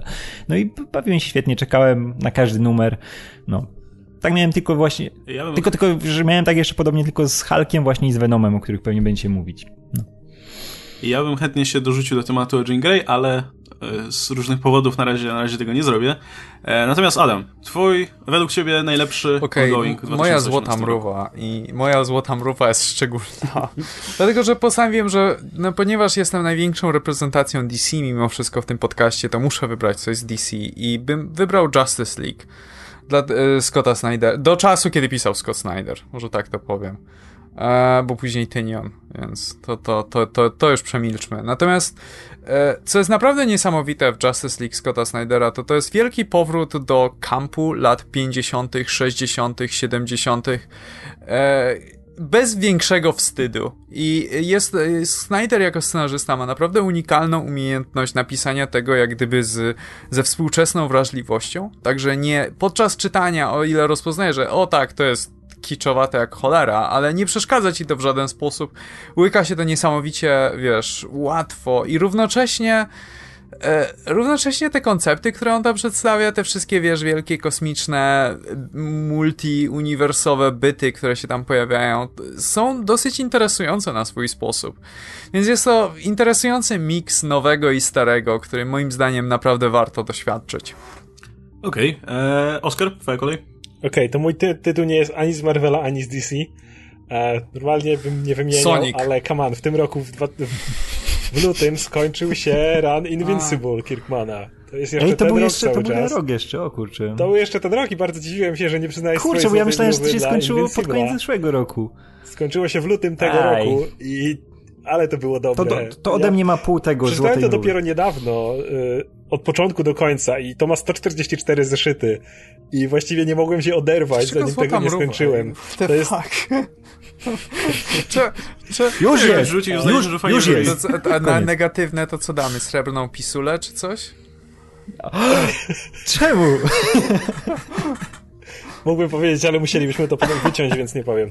E, dobra, e, jeśli chodzi właśnie o Invincible, to jest przykład tego, co by było, gdybyś miał postać taką z Marvela, typową superbohaterszczyznę, ale dajesz kompletnie jednemu scenarzyście wolną rękę i nie wiąże cię absolutnie żadny status quo. Invincible to jest de facto Spider-Man, któremu możesz y, dać się rozwinąć i pozwolić dorastać przez cały czas komiksu, jakby nic cię nie powstrzymuje. Możesz widzieć, jak bohater idzie, chodzi do liceum, e, parę zeszytów później idzie do koledżu, potem ma tam, potem wylatuje z koledżu, potem, nie wiem, leci w kosmos i mieszka w kosmosie z jakiegoś powodu, potem zakłada rodzinę i to się cały czas rozwija z naprawdę rewelacyjnymi bohaterami dookoła, rewelacyjnymi dialogami, ale to jest coś, co ja absolutnie kocham. Rozwój postaci, a wiem, że ponieważ to robi Kirkman i jakby nie ma absolutnie, nikt nie powie mu, co, co może, a czego nie może, no to żadny status quo nigdy go nie będzie wiązało i każdy następny zeszyt brałem i z ciekawością chciałem wiedzieć, co dalej, co dalej, co dalej. Tak przez 144 zeszyty, więc to jest według mnie niesamowite osiągnięcie i Invincible, że to pierwszy tom już jest w Polsce dostępny, ma być ich w sumie 12, jak dobrze rozumiem, ale to jest kapitalna seria, polecam wszystkim fanom superbohaterów, absolutnie wszystkim, żeby to przeczytać, bo, bo czegoś takiego nie dostaniecie w żadnym dużym wydawnictwie. Okej, okay, i moja złota mruwa leci do serii, którą wspominaliśmy tutaj wielokrotnie, czyli The Immortal Hulk. I to jest ta seria, którą jak zacząłem czytać, a um, w zasadzie jakieś dwa zeszyty temu dopiero, dopiero zacząłem je nadrabiać, no to nie mogę się od niej oderwać. E, I to z jednej strony raz, że jest dobry tytuł i mówiliśmy o nim ostatnio, więc nie będę powtarzał, dlaczego jest dobry, e, ale samo to, że Wing wziął taką postać jak Hulk, o której no ciężko już powiedzieć cokolwiek nowego, bo wydaje się, że większość jakichś nowych pomysłów już zrealizowano, czyli hej, może, może niech Hulk będzie trochę bardziej inteligentny, albo niech będzie wręcz przeciwnie, bardziej nieokrzesany, albo może niech zmieni kolor, albo cokolwiek, albo niech ktoś inny będzie Hulkiem.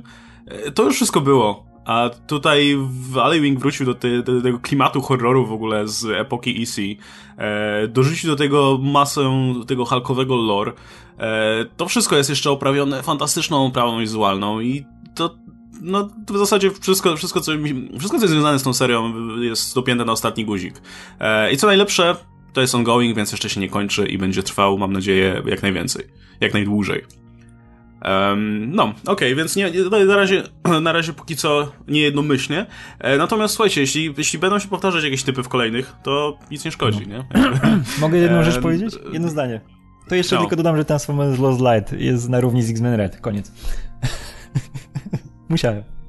Okej, okay, więc y, kolejna kategoria, czyli ponownie najlepszy komiks, ale tym razem miniseria, czyli no, seria, która jest już zamknięta, jest od początku założone, ile ma trwać.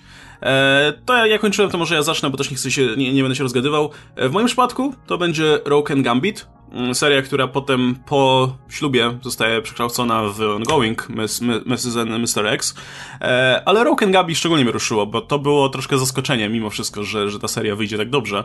E, ja ją lubię przede wszystkim dlatego, że ona podejmuje na taki temat, który wydaje się oczywisty, no bo X-Men, no to wiadomo, romanse, telenowele, związki, rozstania, e, zdrady itd., tak itd. Tak Tylko, że od dawna nikt do tego nie podchodził w dobry sposób, to znaczy w jakiś angażujący sposób.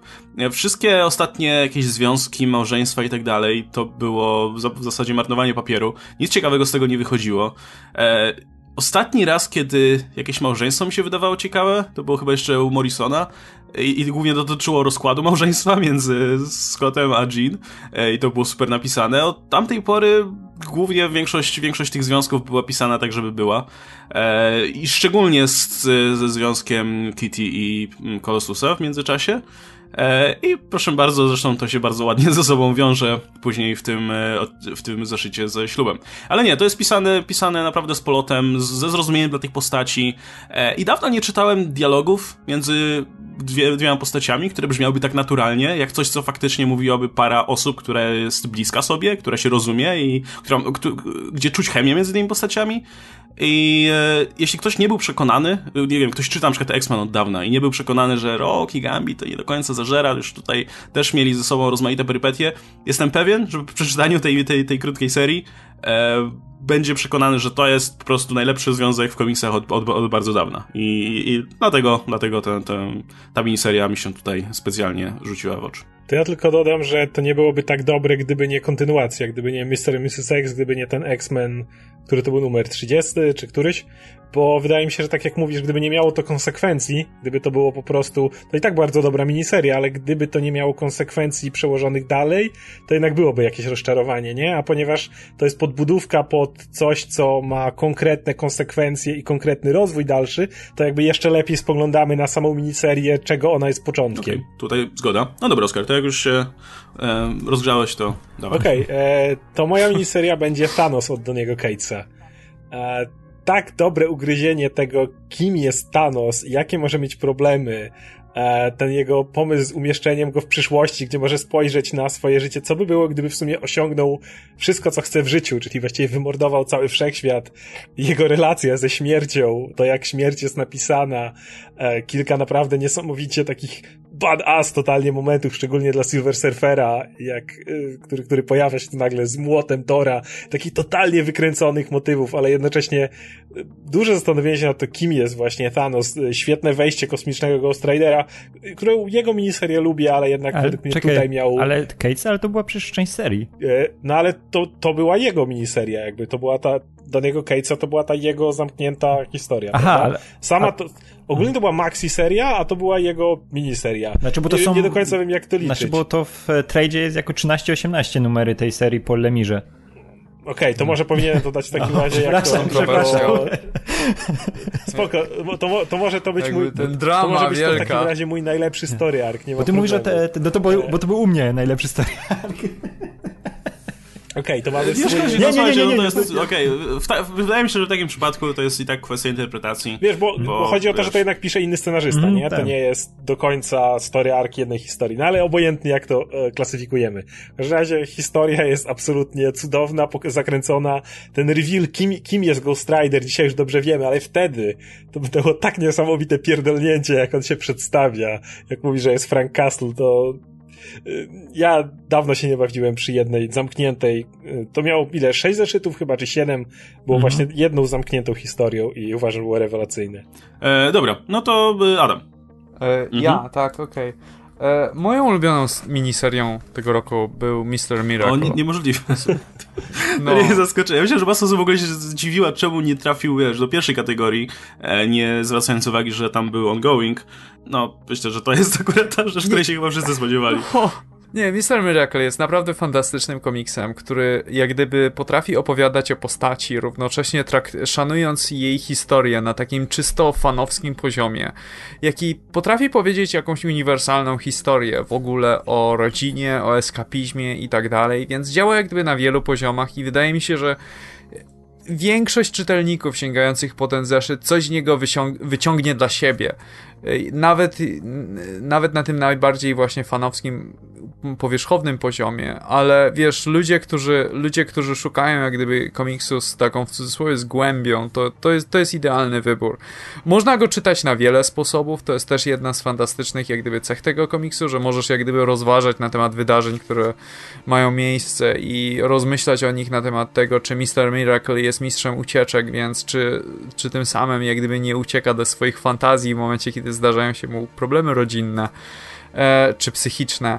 E, e, I równocześnie może działać jako po prostu e, po prostu nawiązanie czy kontynuacja dla serii Kirby'ego starej. I wydaje mi się, że wiesz, w dużej mierze to działa Duże, w dużej mierze to działa dzięki kresce Mitcha Geralda także, który jak gdyby potrafi to sprzedać jako taki właśnie troszeczkę psychodeliczne doświadczenie, ale równocześnie, wiesz, przy pewnym poziomie realizmu, jak gdyby mamy taki element, nie wiem, Twin Peaks czy czegoś równocześnie w samej historii.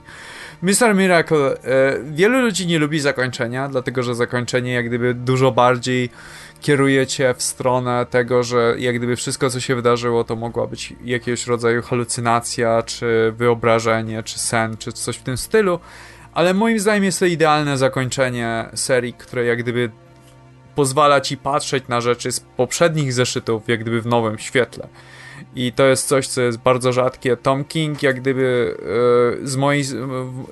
Byłby moim ulubionym scenarzystą, gdyby nie Batman. I to jest jak gdyby. To jest jak gdyby. So close. To jest, jak gdyby, to jest jak gdyby jego problem. Jeżeli dostaje taką postać jak Mr. Miracle, gdzie ma pełną licencję, może robić co mu się podoba, tak samo jak z Vision, no to wychodzi mu super, jak gdyby potrafi, wiesz, wpleść jak gdyby całą masę motywów i wątków do tej postaci bez rujnowania czegokolwiek. Natomiast kiedy musi kooperować z wydawnictwem trochę ściślej, z redaktorami, którzy muszą mu mówić, jak ma dana postać się zachowywać i tak dalej, co robić, no to wychodzi Batman jego. E, natomiast, natomiast e, każdemu absolutnie polecam Mr. Miracle. No dobra, i Radek na koniec. To u mnie będzie, myślałem, między Madroxem a między Shade, tą drugą miniserią, będzie jednak Shade The Changing Woman Castellucciego, który jest świetną kontynuacją właśnie tej psychodelii z, z pierwszego, z pierwszej tej maxi serii. O, to jest fantastyczny komiks. Tak, tak, tak. I to, to jest, wiesz absolutny top, jeśli chodzi o wizualne przedstawienie historii, nie? narrację wizualną. Co tam się dzieje właśnie z kolorami, z, z kadrowaniem i z tym, jak właśnie ta postać, która jest, ma płaszcz, który, który pozwala jej kontrolować e, szaleństwo, nie? Znaczy jest powiązany tam z, z wymiarem, który, który, który się z tym wiąże. I to w tym komiksie widać, że to szaleństwo jest tam w każdym, w każdym momencie, w, wszędzie gdzieś tam na kadrach prze, przemyka i no to wygląda jak taki mokry sen hipisa, wiesz, po, po kwasie w latach 60., 70., gdzie. gdzie no to prawie gdzie każda naprawdę... seria Young Animal, tak wygląda. Tak, tak, tak, dokładnie, ale, ale w, właśnie w Shade to jest już tak szczególnie, nie? że jeśli chodzi o ten właśnie cały wątek tego wymiaru psychodelicznego, bo to jest psychodeliczny wymiar. W Shade mi się ogóle... bardzo podoba ten os osobisty element. Gdyby... Też, też, też właśnie, jak to, ale jak to jest właśnie połączone z tym czystym tak. szaleństwem, wiesz, z, tą, z tym rozbuchaną stroną wizualną i tym, że to jednak jest historia dziewczyny, która, wiesz, szuka siebie, nie? Wiesz, -hmm. i próbuje odkryć poprzez kontakty te z ludźmi, jakie tam są ważne właśnie jej relacje z wszystkimi, nie? Które są też e, przeszły z tej pierwszej miniserii, nie? Że to jest wszystko kontynuowane w taki naturalny sposób. Szczególnie, że tutaj wchodzi pewna osoba, która jest ważna w pierwszej właśnie tej maxi serii, która dodaje całkowicie, wiesz, e, nową stronę do tej, do tej miniserii i ją i to pokazuje, że jaki sens miała ta, że wiesz, że pierwsza e, miniseria była jednak, znaczy maxi była domknięta, ale tu jest nowy bodziec już w pierwszym numerze, który całkowicie ci, wiesz, e, pokazuje, że to też było ważne, że to trzeba pokazać w tej jeszcze właśnie, że ona już się stała tą kobietą, zresztą przejście z Girl do Woman, nie? Jest w tym ważne. No i rysunki właśnie ten Castellucci świetnie to prowadzi, tą, tą właśnie zabawę tym psychodelią i połączoną z tą obyczajówką. No i Zarkone dodaje to z siebie stronę wizualną, która jest fantastyczna i mam nadzieję, że to jednak po latach będzie przypominane jako coś, coś co było niesamowite i, i odciśnie, wiesz, swoje piętno w jakiś sposób, przynajmniej na komiksach, bo, bo to jest piękna zabawa. To jest to, co było najlepsze, wiesz, w tym wczesnym Vertigo, nie? Jak Vertigo startowało, tę świeżość, to coś dziwnego, coś nowego. Ciężko do czegokolwiek to porównać w tej chwili, nie? Więc dla mnie Shade. Okej, okay, e, to Radek, jak już jesteś przy mikrofonie i wspomniałeś o tym wcześniej, e, najlepszy story arc lub trade? Najlepszy story arc lub trade.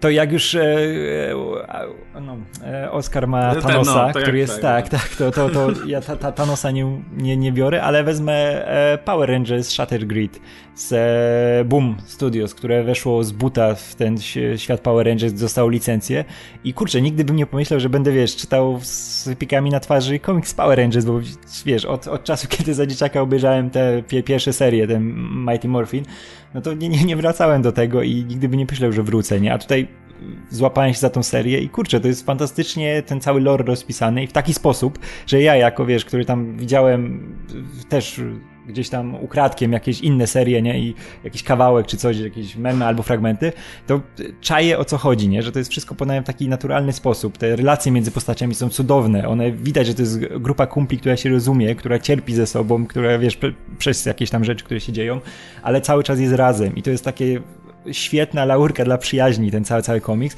ale też się dzieją rzeczy po prostu, jak wiesz, w wielkim blockbusterze w tym Shutter Grid, bo tam masz e, z tego wielkiego złego, którym jest jedna postać związana bardzo blisko z Power Rangers, ważna, szczególnie jak ktoś ogląda Mighty Morphin, nie, nie będę mówił kto, ale, ale no to jest ważne. On jest takim prawie że nowym Zedem, tylko, tylko też nie, nie, nie chcę za dużo mówić, bo tutaj nie można spoilerować, ale e, doprowadza to do tego, że wszystkie wersje Power Rangers w jakiś sposób się pojawiają i są ważne w tej historii, ale to wszystko naturalnie wychodzi. Kurczę, masz na przykład alternatywną wersję e, Kimberly, która, która jest taką, takim zakapiorem, wiesz, e, Igrzyska Śmieci prawie, że i w końcu robi coś z tym łukiem, czego nigdzie w serialu nie robiła zbytnio. A tutaj, tutaj wiesz, w końcu jest, wiesz, ma, ma sens ten łuk i te ich bronie, nie? No, ale, ale i wygląda to kapitalnie. W ogóle to ca cała nadbudówka tego do tej historii, do tej wielkiej historii, to co się dzieje po niej i wszystko to, co jest odpryskiem te, tego świata Power Rangers, na przykład e, świetne zderzenie Justice League e, Power Rangers Toma Taylora, który jest cudownym miniserią. Więc dla mnie to będzie Shatter Grid. Zaskoczenie i rozwinięcie e, świata, którego się nie spodziewałem, że kiedykolwiek w niego wejdę tak mocno jak w tej chwili. Okej, okay. Oscar, najlepszy story arc lub trade. Venom, God of Symbiotes. E, to w ogóle, co Donny Cates zrobił z Fenomem, to kto by się spodziewał. Ej, mamy te gluty, o których już chyba powiedzieliśmy wszystko, co się dało, nie? Już były te carnage, toksiny i tak dalej. Już, już to, to, to, w sumie chyba wiemy wszystko.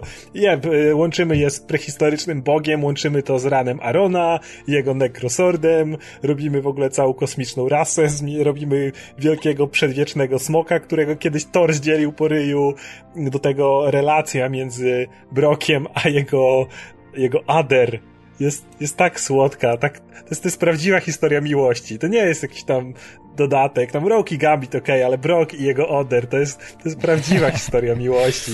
To jest prawdziwa historia dwóch istot z różnych światów, tak różnych, a jednak tak podobnych, którzy dosłownie żyć bez siebie nie mogą.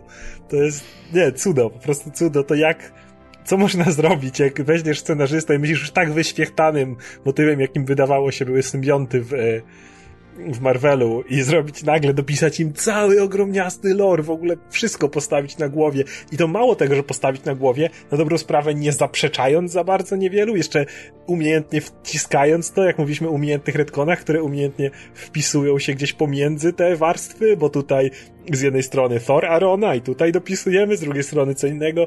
Dla mnie po prostu był geniusz, jak, to, to mi otworzyło oczy, jak, jak jak w ogóle tak można, że, że, że, tak się da, że bierzesz coś takiego i robisz z tego coś zupełnie innego. Także absolutnie jestem pod wrażeniem tego Asteriarku. E, to ja się przyznam, że mam dokładnie tę samą pozycję tutaj e, i sprawdziłem jak się trade nazywa. Trade będzie się nazywał Rex. E, ten, okay. Te pierwsze, pierwsze sześć zeszytów.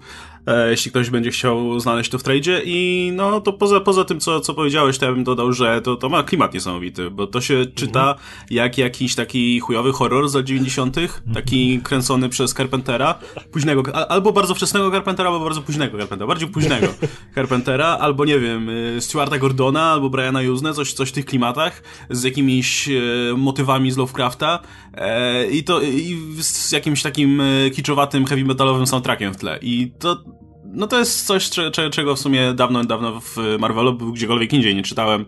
E, I choćby za sam klimat, za samą taką atmosferę właśnie tego, że się czyta taką historię większą niż życie po prostu, o wielkiej mitologii, które gdzieś tam, o istotach nie z tego świata, które gdzieś tam hibernują w ogóle zamknięte na w planecie więzieniu i tak dalej.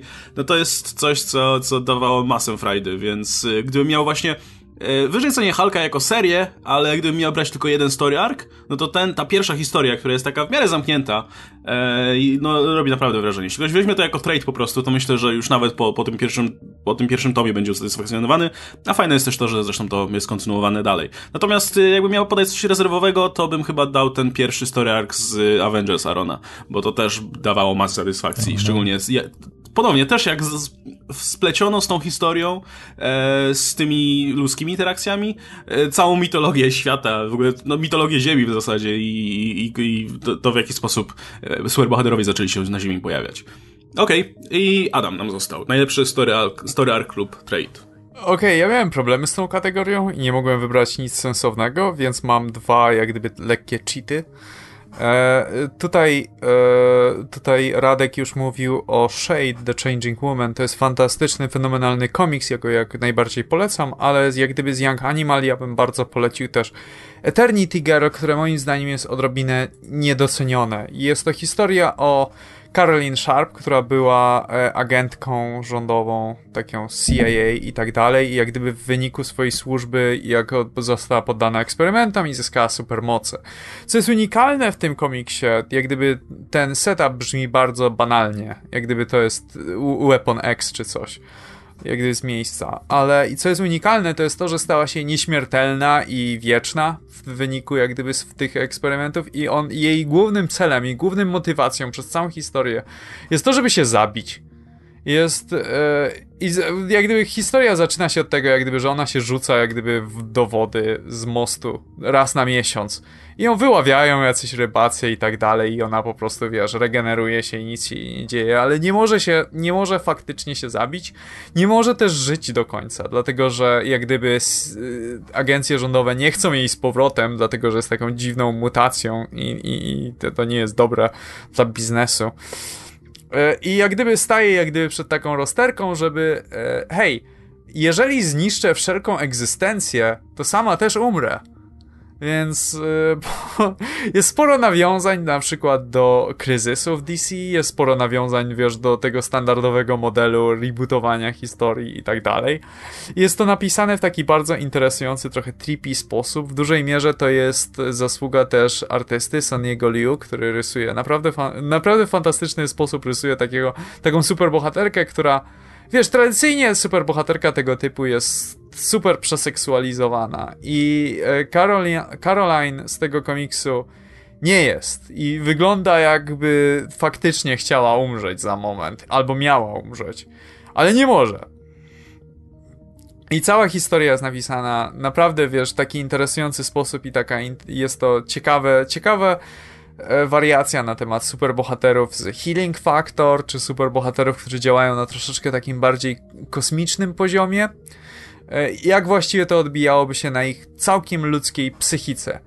I e, druga, druga historia, którą chciałem egzekwo powiedzieć, też jako lekki cheat, to jest Fallout E, Fallout jest to historia w serii Sonic the Hedgehog z IDW. Jest to pierwsza, pierwszy story arc w tej serii, który opowiada o wydarzeniach, prawda, z gry Sonic Forces. I dla, powód, dla której jest tutaj, jest dlatego, że no mieliśmy oczywiście tę całą dramę z Archie.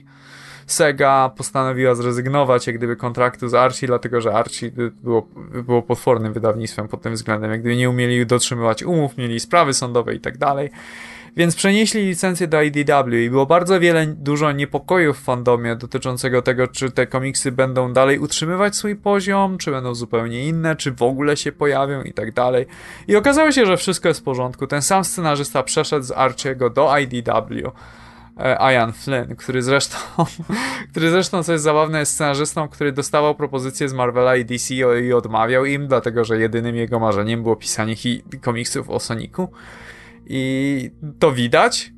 To pisze je to z ogromną pasją i tak dalej. I jak gdyby ustanawia ten świat w takiej w dużo bliższej relacji do gier niż było do tej pory w Archie, ale równocześnie jak gdyby szanuje wszystkie cząsteczki e, medium, w których się Sonic pojawiał do tej pory i wypada to naprawdę dobrze. Okej, okay, dobra. E, to słuchajcie, zanim przejdziemy jeszcze do indywidualnych kategorii, to jedna kategoria bonusowa, czyli najlepszy event crossover. Co nie jest trudne, znaczy co, wręcz przeciwnie, co jest trudne w tym roku, bo nie było ich dużo, szczególnie ze strony Marvela i zresztą DC nie też. było za wiele dobrych. Też nie było za wiele no. dobrych, a nawet właśnie i nie byliśmy zmuszani do ich czytania, to jest też ten problem, wiesz?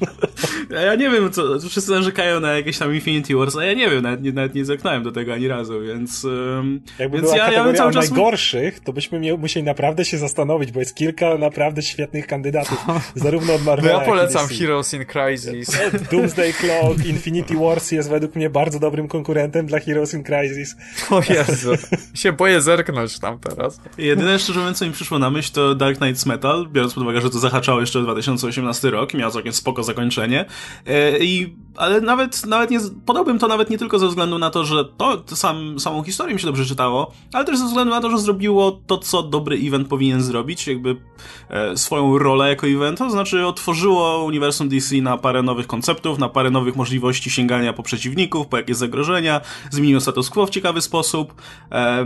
Nie wiem, ostatnio wyszła na przykład ta seria z Batman Who Loves, która jest bardzo fajna, której byśmy nie mieli bez tego eventu. E, myślę, że jeszcze przez jakiś czas... Justice League wyszło w dużej mierze na, jak gdyby na plecach e, o, okay. Dark Knights Metal. Jak gdyby jest wiele wątków kontynuowanych, to cała rozwalona e, ta Source Wall. No, no właśnie, o, o, to mi chodzi, że wydaje mi się, że w rękach utalentowanych scenarzystów, a Scott Snyder takim jest, e, oni będą mogli sięgać jeszcze po rzeczy z tego eventu właśnie przez jakiś tam czas, przez długie lata. No i to jest coś, co dobry event powinien zrobić poza byciem też sensowną historią, więc spoko, z czystym sumieniem mógłbym dać nagrodę e, tej właśnie historii. Ja lubię Dark Knights Metal i to jest też moja pozycja i mój wybór. No to ze względu na to, jak bardzo szasta tymi wielkimi kosmicznymi konceptami, jakby to były cukierki. I e, po prostu rzuca ci, wiesz, non-stop jakieś niesamowite, wiesz, kosmiczne wydarzenia i robi to jakby to było coś normalnego. I to jest coś, co ja najbardziej lubię w komiksach. Jest taka, nie unormalniona niesamowitość. Gdzie masz, wiesz, wydarzenia w kosmicznej skali, ale ludzie traktują to jakby, o, ząb mnie dzisiaj boli. I Dark Knights Metal jest jak gdyby tego, wiesz, ustanowieniem. Też jest to komiks, który dużo mówi o postaci Batmana Jak gdyby Scott Snyder jest tutaj oczywiście wielkim fanem i bardzo, się, bardzo dba o Batmana ze względu na chociażby przez, te, przez to, że przez ten run, który pisał przez kilka lat w New 52. I e, to jest bardziej kosmiczny Batman, ten taki dziwny, superbohaterski Batman, jak ten Batman uliczny, który jest troszeczkę bliżej tego, co pisał w swoim ranie. E, ale mimo to, jak gdyby czyta się to, wiesz, z wypiekami na twarzy i co chwilę ci się pokazują ci coraz bardziej absurdalne rzeczy, Batman ujeżdżający dinozaura, e, Deathstroke na koniku morskim. Ujeżdżający smoka I, Jokera.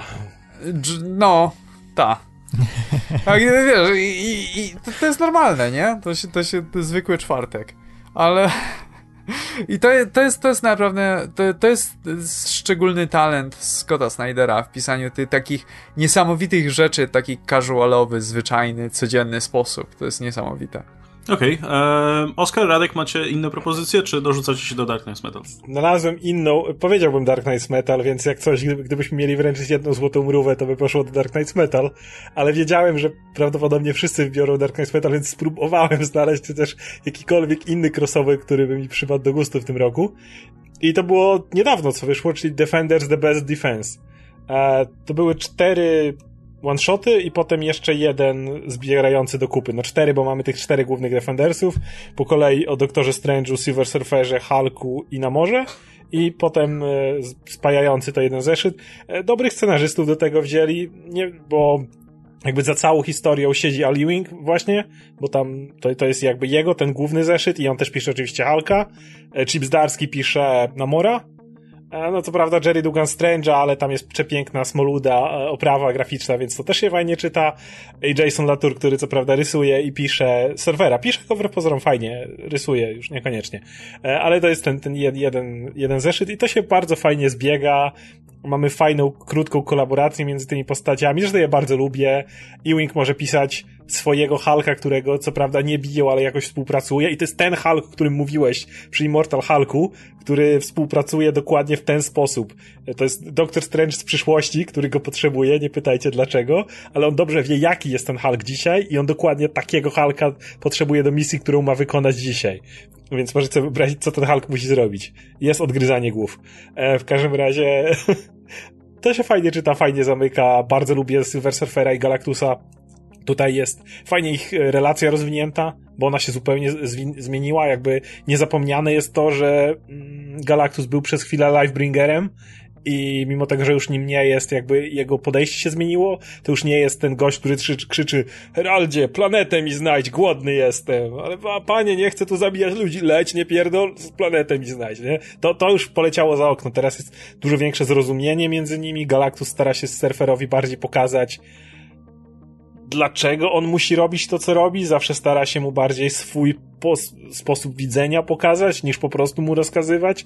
To mi się bardzo podoba, więc y, to jest fajny naprawdę crossover, szczególnie jeżeli ma się jakąś sympatię do tych postaci, ale tak jak mówię, są też fajni scenarzyści. E, u mnie będzie najbardziej popieprzony event w tym roku, bardziej niż Metal, czyli Milk w tytułach z, z, z, z Young Animal który jest cudowną, e, jednocześnie jest bardzo kompetentnym e, crossoverem między tymi wszystkimi postaciami i postaciami z DC, a przy tym jest cudowną beką z tego, co się dzieje w wielkich eventach w e, DC bo tutaj na przykład głównym tym punktem zapalnym całego konfliktu jest to, że mleko czasami może być złe, jeśli jest w różny sposób wykorzystywane. Na przykład mamy w scenę w, zresztą całe Shade, Changing Girl i Wonder Woman, bo to były takie e, e, specjalne numery różnych właśnie tych postaci z Young Animal były z, z, w, no, razem z postaciami z DC, nie? Czyli była Mother Panic i Batman. Właśnie Shade na przykład miała numer z Wonder Woman, gdzie połowa tego numeru to jest taka Wonder Woman, która się tam kąpie w mleku, wiesz, jara się mlekiem cały czas. Mamy taką rzeźbę, która się, która tam jest napis, taki napis mleka Mother Milk i ta rzeźba ma takie, takie ten, e, miejsca, z których wylatuje to mleko i wszędzie jest mleko i to jest rzeźba nagiej Wonder Woman i Amazonek. I tam cały czas chodzi o mleko i to jest, to jest cudowne pokazanie tego właśnie całego szaleństwa, e, jakie stało za Young Animal. Zresztą e, Gerard Way, to zresztą samo DC zgłosił z pomysłem, żeby bardziej zreklamować to, czym jest Young Animal, połączyć to właśnie ze światem DC. No i Way chciał właśnie pokazać to szaleństwo połączone z tym światem e, DC, czyli na przykład Mother Panic mamy Batmana, który jest e, pastorem, takim szalonym, który ma przy sobie małych tak. robinów dzieci i wszyscy w ten wyznają mleko, że mleko jest mleko, mleko jest tam super i w ogóle i jest cała religia oparta na mleku i właśnie wbija ta Mother Panic, która jest zresztą w tym samym świecie co Batman, w tym normalnym Gotham i nagle co tu się odpierdala, wiesz, że ty jesteś Batmanem, nie? Wiesz, i nie może klnąć, bo to jest świat taki cudowny i wszyscy są, wszyscy są, ona, ona u siebie normalnie przeklina, a jak tu wbija, to nagle ma zamiast e, przekleństw ma krzaczki, bo to, to, to jest dla, musi być też dla czytelników DC normalnych i, i sama zauważa, że czemu nie mogę przeklinać, co to się odpierpi, nie? Dalej. I to jest tak cudownie napisane, właśnie zabawa tą całą narracją i tym właśnie, co stoi za tymi postaciami DC, z, tymi, z tymi też, dziwakami z Ale to jest też komentarz na temat w ogóle wydawnictw komiksowych tak, i jak tak. one, wiesz, muszą w pewnym sensie jak gdyby ugrzeczniać te postacie, tak, te dokładnie, światy dookoła dokładnie. siebie żeby można je sprzedawać dzieciom. I tak, wydaje mi się, że mleko tutaj jest takim ogólnym symbolem takiego dobra, które jest sprzedawane. Tak, tak, tak. Za... I dla mnie najlepszą postacią z tego, z tego crossovera był Milkman Man. Tak, jest... Milkman Man. Milkman Man w historii. Milkman Man jest Supermanem, tylko że jest mleczarzem. E, jest super mleczarzem który jest w ogóle sklonowany przez tą kosmiczną kurde korporację, która generuje światy czy coś tak, która takiego. Się nazywa, która się nazywa e, Redcon. Tak. I to jest też komentarz na swój sposób z, jak gdyby z wydawnictw, bo każde z tych wydawnictw na, na swój sposób działają jak te kosmiczne e, korporacje, gdzie wiesz kontrolują te postacie tak, i jak gdyby tak. nie pozwalają im żyć swoim własnym życiem, tylko muszą je utrzymywać w pewnym status quo, muszą, muszą wiesz, muszą pewne e, oczekiwania spełniać czytelników, tak jak tutaj, wiesz, spełniają oczekiwania tego, tego złoczyńcy, który się nazywał Manga, zdaje się? Manga Khan. Manga Khan. No. Al, albo zwany też e, Lordem Mangą. Albo zwany też Lordem Mango. Nie, to jest w ogóle taki, wiesz, super meta komiks, który działa na wielu poziomach tak. i zresztą, wiesz, to w jaki sposób on nawiązuje do Doom Patrol, to było też fantastyczne. Tak, tak. Jak masz, w ogóle jak tam masz, wiesz, sceny, jak to jest cudownie zderzenie tych światów, na przykład jak masz Cave'a Carsona, który jest tym gościem, który umie dobrze kopać i siedzieć w jaskiniach, nie? I ma, i ma oko super, tak. jedno, nie? I który no. na przykład poz, poznaje się ze Swamp Thingiem, bo je sałatkę i nagle, nagle wymiotuje Swamp Thingiem, nie? Bo, bo, bo sałatka, nie? I kurczę, to jest tak, tak fajnie przeprowadzone i wygląda cudownie, bo to jest to tak naprawdę to jest szaleństwo tego świata e, Young Animal, nie? Tak. I te postacie, te postacie z DC wydają się tak, wiesz, zagubione, jak masz tego ojca, ojca Bruce'a, tego, tego super Batmana księdza, nie? Który nagle jest tym, wiesz, całkowicie wyjęty z tego swojego świata, ale wiemy, że to jest nadal ten Batman, bo mamy to przejście, gdzie on się staje Batmanem, nie? I nagle, kurwa, co, co, się, co się odwaliło, nie? Nie, bo w ogóle no się dowiadujemy, że to mleko, które nam osobiście kojarzy się, wiesz, z czymś, co jest zdrowe i daje ci mhm. wapno i tak dalej i a, w tym komiksie jest czymś wiesz, bardzo złowieszczym, który tak naprawdę jest, no, nie wiem, rodzajem halucynogenu, tak, który mówię. generuje ten świat.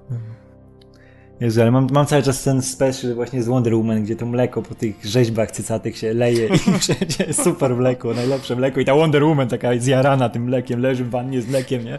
Tylko żeby jej dolewać mleka, mleko, mleko, nie? No. Więc polecam, polecam, bo to jest e, fantastyczna rzecz, szalona i kurczę, takie komiksy chcę, chcę czytać. Dobra, to przyszedł czas na nagrody indywidualne yy, i może załatwimy to od razu trzy kategorie yy, naraz. Czyli tak, najlepszy scenarzysta, najlepszy artysta i najlepszy duet może być tak, że oczywiście ten najlepszy duet będzie waszymi poprzednimi wyborami, e, ale no niekoniecznie. Może po prostu akurat dwóch twórców działa najlepiej razem i, i lepiej działają razem niż osobno, powiedzmy. Więc e, dobra, zacznijmy od Oscara. Najlepszy scenarzysta, artysta i, i duet twórców. E, scenarzysta Donny Cates, no zastanawiałem się oczywiście nad Rosenbergiem i tak dalej, ale jednak wymieniłem tego Thanosa, wymieniłem tego Venoma, e, liczę na Guardians of the Galaxy, świetny był Doctor Strange, no Donny Cates. Najlepszy artysta, zastanawiałem się nad czymś, co jest oryginalne. Było naprawdę sporo świetnych artów w tym roku, naprawdę sporo komiksów, które wyglądały przepięknie, e, ale chciałem wziąć coś oryginalnego, więc wziąłem Christiana Warda od Black Bolta, bo to był bardzo, bardzo specyficzny styl i byłem kompletnie zatonąłem. I w związku z tym również najlepszy duet to jest dla mnie Christian Ward i Saladin Ahmed. Nie jestem pewien, czy ten stylistyka Christiana Warda by mi pasowała w jakimkolwiek zeszycie. Nie wiem, nie wyobrażam sobie, że miał rysować Punishera czy coś takiego, ale z narracją Ahmeda, z tym jak e, był prowadzony komiks Black Bolt, przez to, że w nim było bardzo dużo narracji i to było wszystko takie bardzo surrealistyczne, opowiadane z tym, co widzimy, to dało niesamowity klimat, więc, więc to będzie mój duet. E, Okej, okay, Adam. Moja, moja kolej, tak? E, moi, jeśli chodzi o scenarzystę, to mam dwóch jak gdyby egzekwo i pierwszy z nich to jest Scott Snyder za to, co zrobił z Justice League i Dark Knights Metal. Jak gdyby, tu już mówiłem w dużej mierze, to chodzi oczywiście o ten, te połączenie starego i nowego. Drugą pozycją egzekwo jest Jeff Lemire za jego Terrifics i Gideon Falls. To jest taki, takie bardziej horrorowe Twin Peaks, które moim zdaniem wyszło naprawdę dobrze. Jeśli chodzi o najlepszego artystę, to będzie Nick Derrington, który jest znany przede wszystkim z Doom Patrol, ale też z kilku innych okładek i, i, i komiksów. E, I uwielbiam jego kreskę za to, że jest e, nie jest realistyczna, jest taka bardzo kreskówkowa, ale równocześnie ma na tyle charakteru i na tyle na tyle zabawy e, proporcjami czy, czy kompozycją, że jak gdyby jest na swój sposób też równocześnie realistyczna. To tak jakby troszeczkę jak obserwować kogoś, który, nie wiem, próbuje taki kre w kreatywny sposób przerysowuje modele 3D, jak gdyby czujesz bryłę każdej z tych postaci, nawet jeżeli jest odrobinę przekształcona artystycznie.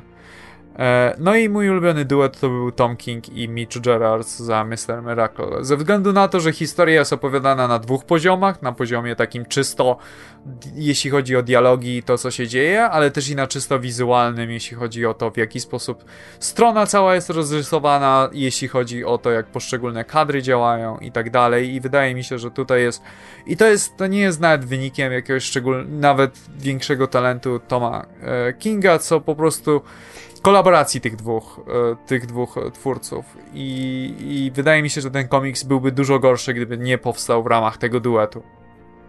Okej, okay. E, Radek, twoja kolej. To u mnie scenarzysta to będzie Matthew Rosenberg, w którym jestem totalnie zakochany. W tym roku miał Astonishing X-Men, miał Multiple Mena, miał to z e, Marvel Knights, Punishera oczywiście, New więc Mutants. wszystkie serie... Tak, New Mutants, wszystkie serie kocham, wszystkie miniserie, serie. To, co robi w, też fajną, fajną stronę będzie szedł też tą swoją pewnie nową serią X-Menów. Facet pisze totalnie genialne dialogi, świetne relacje między postaciami, więc on u mnie na pewno pierwsze miejsce. I blisko jego jest też, jak Adam mówił, Jeff Lemire, ale u mnie najbardziej za Royal City, które teraz u nas wyszło, e, Non-Stop Comics u nas wydało i jest e, kapitalna obyczajówka. Jeśli macie w coś zainwestować z polskiego rynku, to od Royal City. E, jeśli chodzi o artystę, to pójdę z jednej strony typowo, bo Chris Samney, który świetnie robił, świetnie rysował Kapitana Amerykę, zresztą on z Wade'em, wszystko ich biorę, bo to są, są ładne laurki dla tych postaci. Eee, który, który, którym się zajmują i będzie Marley Zarkon z e, e, Shade, The Changing Woman, bo to jest e, jazda, jazda po bandzie, jeśli chodzi o narrację wizualną, jeśli chodzi o ten żywy kolor i co tam się dzieje, to jest fantastyczne. A jeśli chodzi o duet, to Al Ewing i Joe Bennett z Immortal Hulka, bo się rozumieją znakomicie i, i bez, jeden bez drugiego to by nie, nie wypaliło w tej, w tej formie, więc oni. Okej, okay. w moim przypadku najlepszy scenarzysta to tak samo jak Radek, Matthew Rosenberg. E, zastanawiałem się jeszcze właśnie nad Donym Case'em, czy nad Kelly Thompson, ale uznałem, że po pierwsze wszystko, co czytałem, przeczytałem w sumie wszystko, co Matthew Rosenberg chyba pisał w tym roku i wszystko było znakomite, na bardzo równym, bardzo dobrym poziomie, plus to były bardzo różne rzeczy. Jakby Kelly Thompson pisze większość rzeczy w swoim konkretnym stylu i to są zwykle podobne rzeczy, ob obyczajówka zazwyczaj. E, Rosenberg pisze i Punishera, i New Mutants, e, i tego Madroxa i podejrzewam, żeby dostał coś jeszcze z innej bajki i też by się w tym sprawdził, dlatego też, też tutaj tutaj e, moja nagroda poszła do niego. E, artysta Russell Dauterman za tę końcówkę e, Mighty Thor bo to, to co tam wyrabiał w paru ostatnich zeszytach, w, w tych wszystkich e, spektakularnych, powiedzmy, akcjach e, z, w zakończeniu tego ranu z Jane Foster, no to było niesamowite i ten taki fajny, fantastyczny, psychodeliczny odrobinę klimat e, no to dodawał bardzo dużo tego komiksu. Cieszy mnie to bardzo, że on wraca na War, War of the Realms, bo to będzie najlepsza osoba do, do zilustrowania tego. A jeśli chodzi o duet, no to wrócę tutaj do story arku o Venomie, Donny Cates i Ryan Stegman, bo tak jak do tej pory nie przypadałem z Ryanem Stegmanem, tak wydaje mi się, że no, pasował do tej historii idealnie. Ta, ta, ta, ta historia właśnie miała taki fajny, palpowy, kiczowaty klimat właśnie dzięki temu, jak, jak, jak Stegman rysował te postacie. No i też e, pominęliśmy celowo trochę tutaj i e, inkerów, i kolorystów, no bo już nie chcemy się tak rozdrabniać z całym szacunkiem, ale też no tutaj kolorysta wydaje mi się e, też, też swoje zrobił. Frank Martin zresztą się nazywa, jakby co, więc jakby miał przyznawać jeszcze nagrodę kolorysty, to, to przyznałbym mu, bo te rysunki Stegmana w Venomie myślę, że no błyszczą właśnie dzięki, dzięki, dzięki niemu między innymi. Okej, okay, słuchajcie, y, mamy jeszcze kategorię najlepsza okładka. Na tym się nie będziemy rozgadywać, no bo z oczywistych względów. Natomiast udostępnimy nasze ulubione okładki. E, w moim przypadku to jest Immortal Hulk ta pierwsza, bo ona mnie chwyciła po prostu momentalnie i zresztą, no, Alex Ross to rysuje, znaczy maluje w zasadzie, więc no, e, renoma jakby nie patrzeć sama w sobie, ale też kurde patrzę na okładkę z tym Hulkiem wyłażącym z ziemi i, i wiesz, że to jest komiks, który chcesz przeczytać, bo jesteś ciekaw, co się będzie działo. E, natomiast umieścimy wszystkie te okładki i w poście i myślę, że będę je publikował na fanpage'u, ale jakbyście mogli parę słów o swoich wyborach powiedzieć, to byłoby fajnie. Moim wyborem był Mr. Miracle numer 10. E, to jest też okładka zrobiona przez Nika Derringtona, którego wspomniałem jako moim zdaniem mojego ulubionego artysty e, w zeszłym roku. I to jest e, po prostu Darkseid w negatywie ale w jakiś sposób to działa tak efektywnie, jak gdyby widzisz, to się też odnosi w fajny sposób do komiksu, gdzie nie postrzegasz Darkseida jako postaci, tylko jako tą negatywną siłę we wszechświecie, która po prostu zrobi wszystko, żeby twoje życie spieprzyć w takim kluczowym momencie. I nawet kiedy wydaje ci się, że wyciąga rękę, to to jest coś, coś nie gra. I ta, wydaje mi się, że ta, y, ta okładka jak gdyby idealnie pokazuje Darkseida jako po prostu taką nie tyle straszną, co niepokojącą y, postać w uniwersum DC, która, wiesz, która sam fakt, że jest związany z czymś, jak gdyby budzi twój natychmiastowy lęk. I dlatego to jest moja ulubiona okładka. Okej, okay, Oskar? E, ja wrzuciłem e, nie, nie, nie mogłem znaleźć jednej okładki, na którą się zdecydował, jeśli chodzi o to, jak sama wygląda, jakby art, bo była cała masa przepięknych okładek, więc wziąłem taką, która coś dla mnie znaczy. Jest to, jest to wariant do Punishera e, zeszytu 13, wariant z Mary Jane przebranej za Punishera, która ma w celowniku, na celowniku Mephisto. To jest e, przerobiona okładka stara, gdzie był oczywiście Punisher i miał na celowniku Spidermana, no ale Mary Jane celująca ze snajperki do Mephisto jakoś do mnie przemawia. No nie, nie muszę chyba nic więcej to mówić. To była cała ta akcja, nie? Że, że były tak. różne okładki z Mary Jane w różnych rolach i no, na okładce Punishera jest z roli Punishera i no, no, no i starczy w ogóle. E, I Radek? Tak. E, to u mnie będzie, musiałem wybrać którąś okładkę z, oczywiście z Shade'a, bo tam wszystkie okładki są perfekcyjne i się idealnie łączą z tym, co się dzieje w komiksie. Od razu też, też fajne stanowią taką zapowiedź tego, co się będzie działo. Ale wybiorę z trzeciego numeru okładkę Becky Clonan, bo, bo fajnie pokazuje to, co się dzieje z postacią. To jest fajne, psychodeliczne i, i no, świetnie wygląda, szczególnie gra kolorów i to, to właśnie takie w stylu trochę z lat 60. ten hipisowsko-kwasowy, więc, więc naprawdę super wygląda. No. Nie, ale masz te, wiesz, wszystkie, te wszystkie grę kształtów, tych wszystkich tak, kół, tak, które tak. wychodzą z tej postaci i to jakby odnosi się też właśnie do historii, gdzie z niej to szaleństwo wychodzi, prawda? Tak, tak, tak, że ono z... cały czas jest przy niej i zmienia ten świat wokół, nie? Tak, ale wiesz, no to ona też nie jest w swoim ciele, jak gdyby bohaterka mhm. główna i to też tak fajnie się nawiązuje i jest, wiesz, w ogóle zaprojektowane fantastycznie. Jakby mm. To jest coś, co mógłbyś sobie powiesić na ścianie jako obraz i Tak, i tak. I wiesz, i każ, każda, i, to, i wiesz, i ka każda jest inna, nie? zupełnie, tak. że pokazuje coś innego, jakiś inny aspekt tej postaci, z tego, co, co akurat, wiesz, pasuje do niej. Becky Clone ma fajne okładki. Te, które robiła też okładki do Moon Knighta, Bemisa, te mm -hmm. parę, do paru ostatnich zeszytów, to wszystkie były bardzo fajne. Takie... Mm, właśnie bardzo symboliczne. No i dobra, słuchajcie, to teraz kategorie, dwie kategorie, które trochę bardziej ogólnie, myślę, podsumowują to, co się działo. Największy progres i możecie to interpretować w różny sposób. Czy chodzi o postać, czy o zeszyt, czy o artystę, czy o wydawnictwo, cokolwiek, co tylko interpretujcie to sobie jak chcecie. No i największy regres, czyli wręcz przeciwnie, to, co was najbardziej rozczarowało. Myślę, że już o paru rzeczach mówiliśmy, możliwe, że, że będą jakieś powtórzenia, no ale okej, okay, mimo wszystko, Adam, zacznij pierwszy. Okej, okay. no ja będę się powtarzać w dużej mierze do tego, co mówiłem wcześniej. Dla mnie największym progresem to jest to, co zrobił Marvel generalnie ze sobą i na przykład Spider-Man Spencera. To jest ogromny postęp, jak gdyby dla tej postaci i otworzenie wielu, wielu ścieżek. W ogóle wszystko, co się działo ze Spider-Manem w tym roku było fantastyczne. Natomiast jeśli chodzi o regres i rozczarowania, no to prawie, cało DC, prawie całe DC po prostu jak gdyby nie muszę nawet wchodzić w większe szczegóły. DC jak gdyby tutaj e, i, i, i, po paśmie sukcesów, jak gdyby chyba poczuli się zbyt pewnie, czy coś takiego i się zrobiły jakieś brudne zagrywki zakulisowe, których dokładnie nie wiemy i w rezultacie jednym takim rozczarowaniem jest Bendis jako całość, jak gdyby wydawa, wydawało nam się, pamiętam, że jak rozmawialiśmy o... Jako człowiek. Nie, może nie jako człowiek, ale jako scenarzysta. Jak gdyby pamiętam, że rozmawialiśmy o tym, że jak to otwiera możliwości dla DC jak to, wiesz, e, jest jak szansa, dzięki temu, jak jest szansa tak, na tak. to, że DC dostanie interesujące serie, jak chuja tam.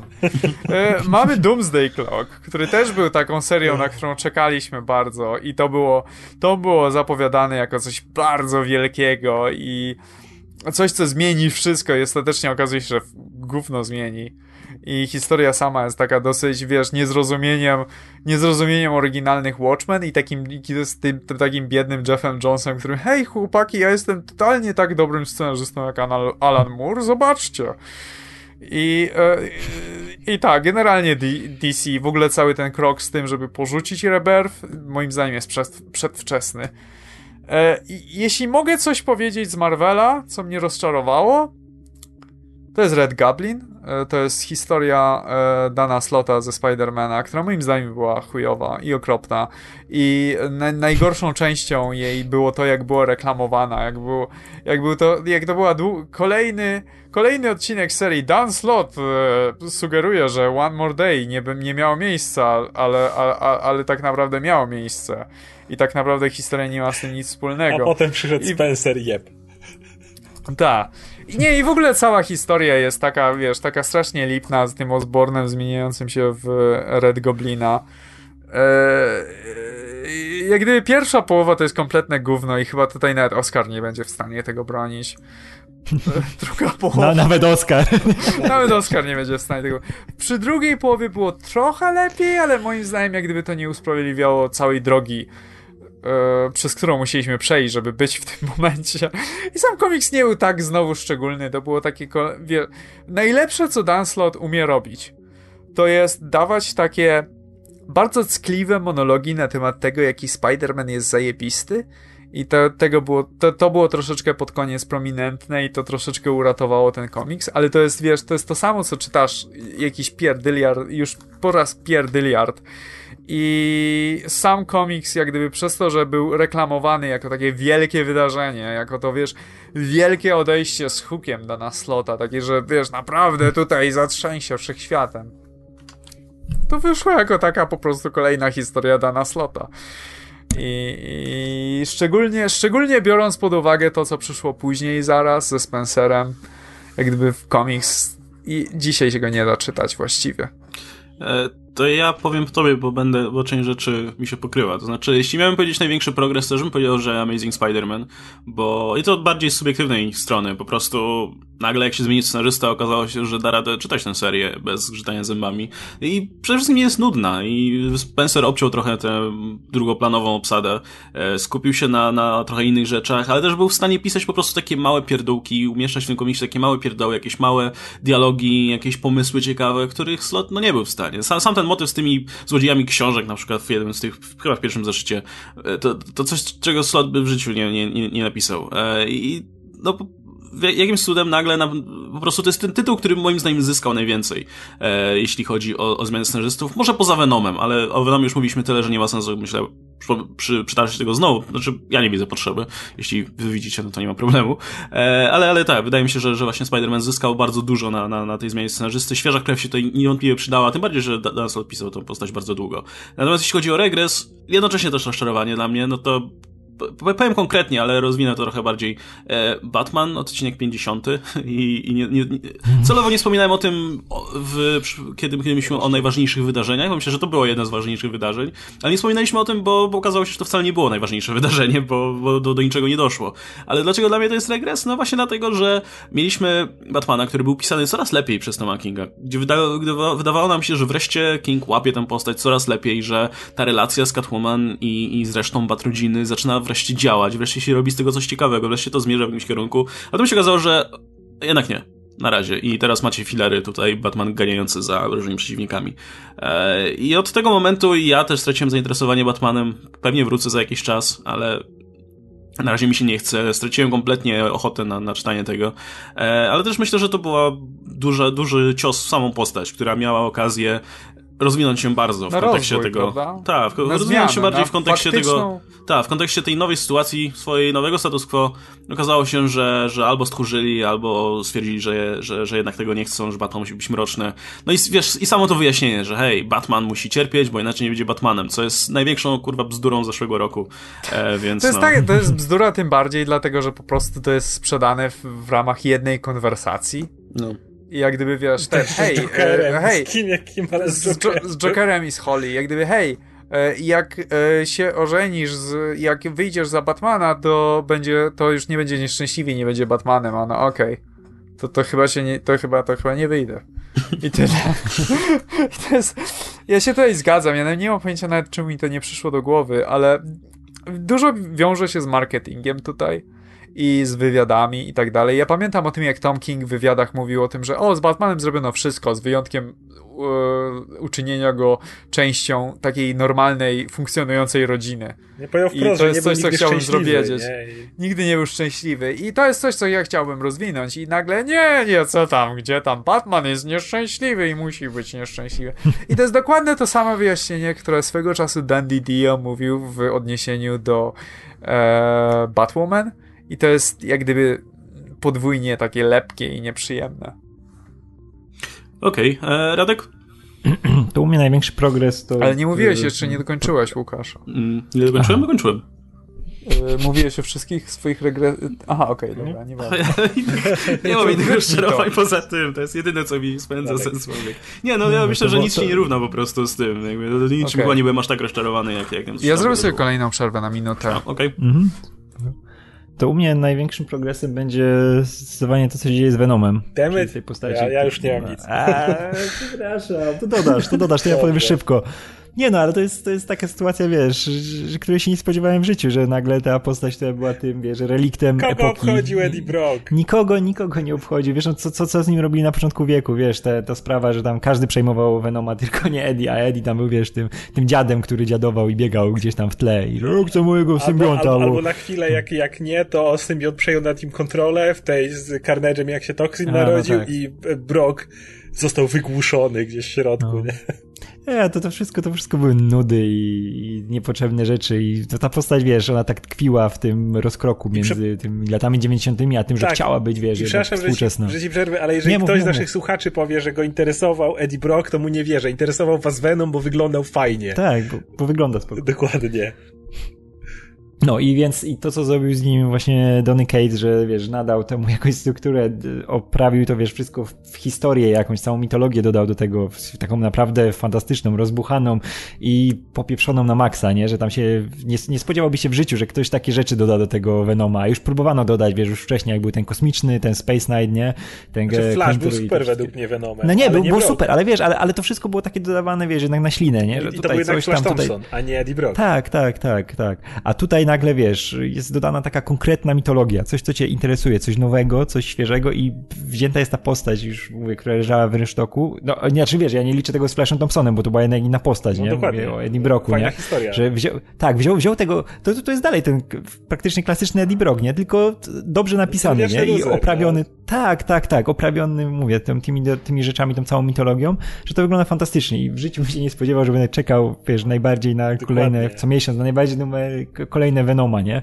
Szczególnie, że nawet ten, ten film, wiesz, tej serii, nawet jakby miał pomóc, to by nie pomógł, bo, bo film był jaki był, nie? A tutaj ta historia komiksowa wyrasta, wiesz, na coś, na coś naprawdę fantastycznego, coś, co będzie pamiętane przez jeszcze długi czas. Nie? A propos filmu, bardzo mnie bawiło, że ta em, wersja na Blu-rayu jest reklamowana jako love story i wszyscy się z tego śmieją, a ja myślę, ej, ale, ale z czego się śmiejecie? Przecież, przecież tak jest w komiksach. Wiesz, w, w, w, w trailerach do filmu robią sobie jaja z tego, że dwie dusze z różnych światów, coś tam. Ale ja sobie myślę, ej, ale to nie jest zabawne. W komiksach to jest. To jest bardzo wzruszająca i głęboka relacja.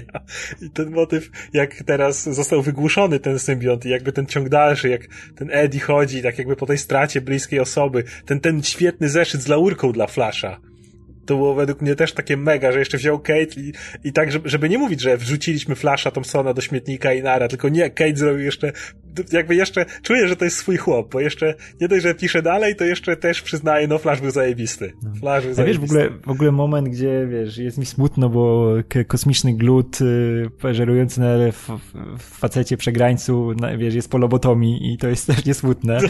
No to, to wiesz, to jest łamie mi serce sytuacja. To jest, jak on no. jeździ, czuje, nie ma tej drugiej osoby w jego życiu. I to jest jeszcze pisane dokładnie w ten sposób. Te wszystkie monologi e, Ediego są dokładnie takie, jakbyś komuś dał je do poczytania bez kontekstu, to ktoś by nie wie, myślał, że on o drugiej osobie, o ukochanej myśli, nie? nie? Która mu odeszła.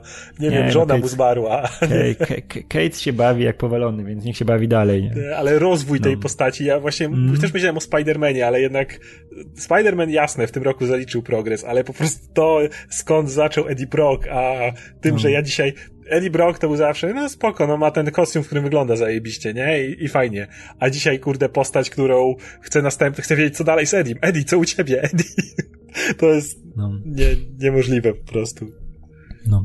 A jeśli przechodzę do regresów, to ja powiem, że te przeszczelone obsadzanie e, tych e, już kul, tych sprawdzonych niby scenarzystów w tych głównych seriach, nie? Czyli mamy na przykład Marka Wade'a w e, Doktorze Strange'u, który był to naprawdę lipny, szczególnie pierwszy ark, ale drugi też nie jest ciekawy. Tam Mark, ten Mark Wade wraca do tych swoich rzeczy z tej miniserii, której już nikt nie pamięta, nie? I do postaci, ale to jest wszystko tak, tak na takich glinianych nogach, że strasznie się to czyta i widać, że mu się nie chce za bardzo, że to jest takie, żeby trzeba odpierdolić, bo później będzie robił coś, co naprawdę chce pisać. Mamy tego slota, który dostał, wiesz, dwie wielkie marki, czyli Ironmana i Fantastic Four i każdą pisze no i jest, jest Bendis też w Supermanie, no. I to jest to, ta sama zasada, że oni to są ludzie, którzy powinni pisać rzeczy, które chcą pisać już na tym etapie kariery, a nie te, które, że ej, wciskajmy im tych, bo to są te nazwiska, nie, że slot przechodzi ze Spidermana, to dajmy mu Ironmana i Fantastic Four, ale kurczę, na tego Ironmana nie ma zupełnie pomysłu i to jest taki, wiesz, taki, widać, że to już jest starszy facet, który próbuje pisać o rzeczach, które są, wiesz, teraz na topie, nie? I, I za bardzo wie, jak to wyglądało 20 lat temu, ale nie wie, jak dzisiaj, wiesz, e, rzeczywistość wirtualna i takie tam. No i wiesz, jak Iron Man robi takie rzeczy, to, to wiesz, patrz na niego jak na idiotę, nie? Jak się tym zajmuje. I mamy jeszcze też mi się strasznie przyszczelony dla mnie jest e, TSC Codes w Kapitanie Ameryce, że ta seria odpala, odpala i nie umie odpalić i on tylko wciska rzeczy, które lubi i które pisze z drugiej strony, które całkiem nieźle mu dalej wychodzi, czyli Black Panther, który, no też ta nowa seria Black Panthera w kosmosie dla mnie nadal nie złapała tego swojego tempa i, i troszkę, troszkę, no widać, że on jest jednak pisarzem i ten, ta, on nadal się nie dopasował do tej komiksowej narracji, do tej wizualnej i dalej łupie tym tekstem i tymi, tymi ekspozycjami, ale i ten Kapitan Ameryka, a najlepszy jego numer był ten, gdzie najmniej się gadało, czyli pierwszy Kapitan Ameryki, gdzie był tylko laurką dla Kapa, a później spoko, nagle no. wbija, tak, a później wpierdalam, Black Panther wbija, nie, całą Wakanda, nie, i a, to nie ukrywajmy, że to już nie jest komiks o Kapitanie Ameryce, tylko wiesz, nie, o Black Pantherze. na bieżąco w ogóle, czy... Tak, tak, męczę to, ale sta, dalej jest tak rozlazłe. I... Ja skończyłem na tym, jak nie. Red Skull wrócił albo nie wrócił tam w lustrze. Coś było dalej? No jest, rozwijają ten wątek tego, jak on się nazywa, ten e, Lukina, nie? Luskin, Luskin, Lukin, Lukin, Aleksander Lukin, ten, który był tak. Brubakera, nie? No, że przywrócił go i też próbuje tego skula przywrócić, ale to jest wszystko o, takie, takie nużące i tak się wleczy i e, widać, widać, że on nie czuje, nie czuje tej postaci za bardzo, że chciał, chciał pisać to do tego, tych, tych kamiosów e, Black Panthera, nie? Więc nie no, ale tak to wygląda, wiesz, to nie jest, że się typa czepiam, ale widać, że no dajcie mi tego, ja tam Black Pantherka wcisnę, nie? To, jakbym, jak wiesz, Spidermana pisze, to dajcie, ja mu to założę Black Pantherowi te siecie sploty, to tam po lata z boku, nie? Tam Spidermana niby niby nic, ale wiesz, ale niech lata, niech lata, no. Ten mój Black Panther, więc on umie, lubi pisać Black Panthera, a nie potrafi Kapitan Ameryki. Tak sobie zresztą samo wiesz, że nie, że się tylko jego czepiam, ale też y, Slot z tym swoim Iron Manem, czy White z Doctorem Strange'em też nie czują tych postaci, a to są jednak ważne tytuły, nie? Szczególnie po Wade'zie to widać strasznie, wiesz, po tym przejściu z Arona, który, kurczę, bawił się świetnie tym z Doctorem Strange'em, tego Wade'a, który taki rozpierdol tak patrzy na tego Strange'a, to, to, co to, to, to, czaruje ten chłop, no to, no to niech czaruje w kosmosie, może to, może zmienimy coś tutaj, hep, hep. No to, ale, nie, ale nie może czarować w kosmosie, bo nie ma mocy, ale to kurczę, to jak ja to robię, no, wysłałem gościa bez magii, magika w kosmos, no. trzeba wrócić może na Ziemię, no to wróć, wracamy i to tak wygląda, no. No, więc jest bieda. Okej, okay. E, Oskar, czy coś masz do dodania w takim razie, tak, jeśli chodzi o tak. Bo progres był to wiadomo Venom, natomiast według mnie jest dużo większy regres niż Batman. Batman jest moim największym rozczarowaniem na pewno tego roku. Wszyscy czekaliśmy na ten zeszyt 50 i się rozczarowaliśmy, ale według mnie DC zrobiło dużo większy regres, jeśli chodzi o Supermana. Bo w przeciwieństwie do Batmana, no. do Batmana, Superman już to miał. U Batmana po prostu czekaliśmy, aż to wreszcie nastąpi, było to nam obiecywane i tego nie dostaliśmy. U Supermana różnica jest taka, że Tomasy już to wszystko ładnie rozpisał. Superman już był w dobrym miejscu, już był na dobrej drodze, już miał ustanowiony nowy status quo, który ewidentnie wszyscy pokochali, bo to był ten krótki moment, kiedy Superman nawet był popularniejszy niż u Batmana i nagle przed Bendis i po prostu pff, nara. To, to, tego już nie potrzebuję wypieprzać. Moje. Ja tu zaraz napiszę od nowa Krypton, jak to Radek mówił, agentów S.H.I.E.L.D. w tę flotę i będę miał, wiesz, i będę miał swojego Supermana. Wiesz, I... co mi to w tym przeszkadza? Że go wystrzelił w kosmos, zamiast po prostu odizolować go. Jak gdyby mógłbyś spokojnie mieć, mógłby Bendis spokojnie pisać swoją serię z Supermanem bez Superboya i bez, bez rodziny, po prostu w jakiś sposób sztucznie nawet, troszeczkę izolując ich od siebie, tak żeby, wiesz, żeby John mógł się pojawiać w innych seriach, żeby Lois nadal grała ważną, drugoplanową rolę. E, no ale nie, w ogóle, ich, ej, ale jakby jeszcze chodzi o to, że Superman jest taką bardzo ustanowioną postacią. Jest pewne rzeczy, których od Supermana się wymaga. To jest ten nasz taki wzór cnót, który może mieć wątpliwości wewnętrzne, ale on ma stanowić pewien przykład jakby e, dla wszystkich i ma pewne, pewne rzeczy musi mieć dla niego muszą być jasne, bo inaczej nie będzie no w stanie prawda. dawać tego przykładu. I tutaj zarówno Bendis, jak i jeszcze King dołożył swoje, swoją cegiełkę do tego wszystkiego. I dlatego ja uważam, że Superman po prostu cofnął się w rozwoju jak cholera. To, że zmienili jego syna w tego angsty nastolatka było tak fatalnym rozwiązaniem, którego na dobrą sprawę nie da się od tak sobie cofnąć. Już musisz, znaczy wszystko w komiksach się da, ale to nie będzie łatwe, nie, bo, bo jednak to była decyzja beznadziejna według mnie. Nie wiem, zabiją go zaraz chyba, że albo powiedzą, że to tak naprawdę klon wrócił, a prawdziwy John to gdzieś tam jest, nie wiem.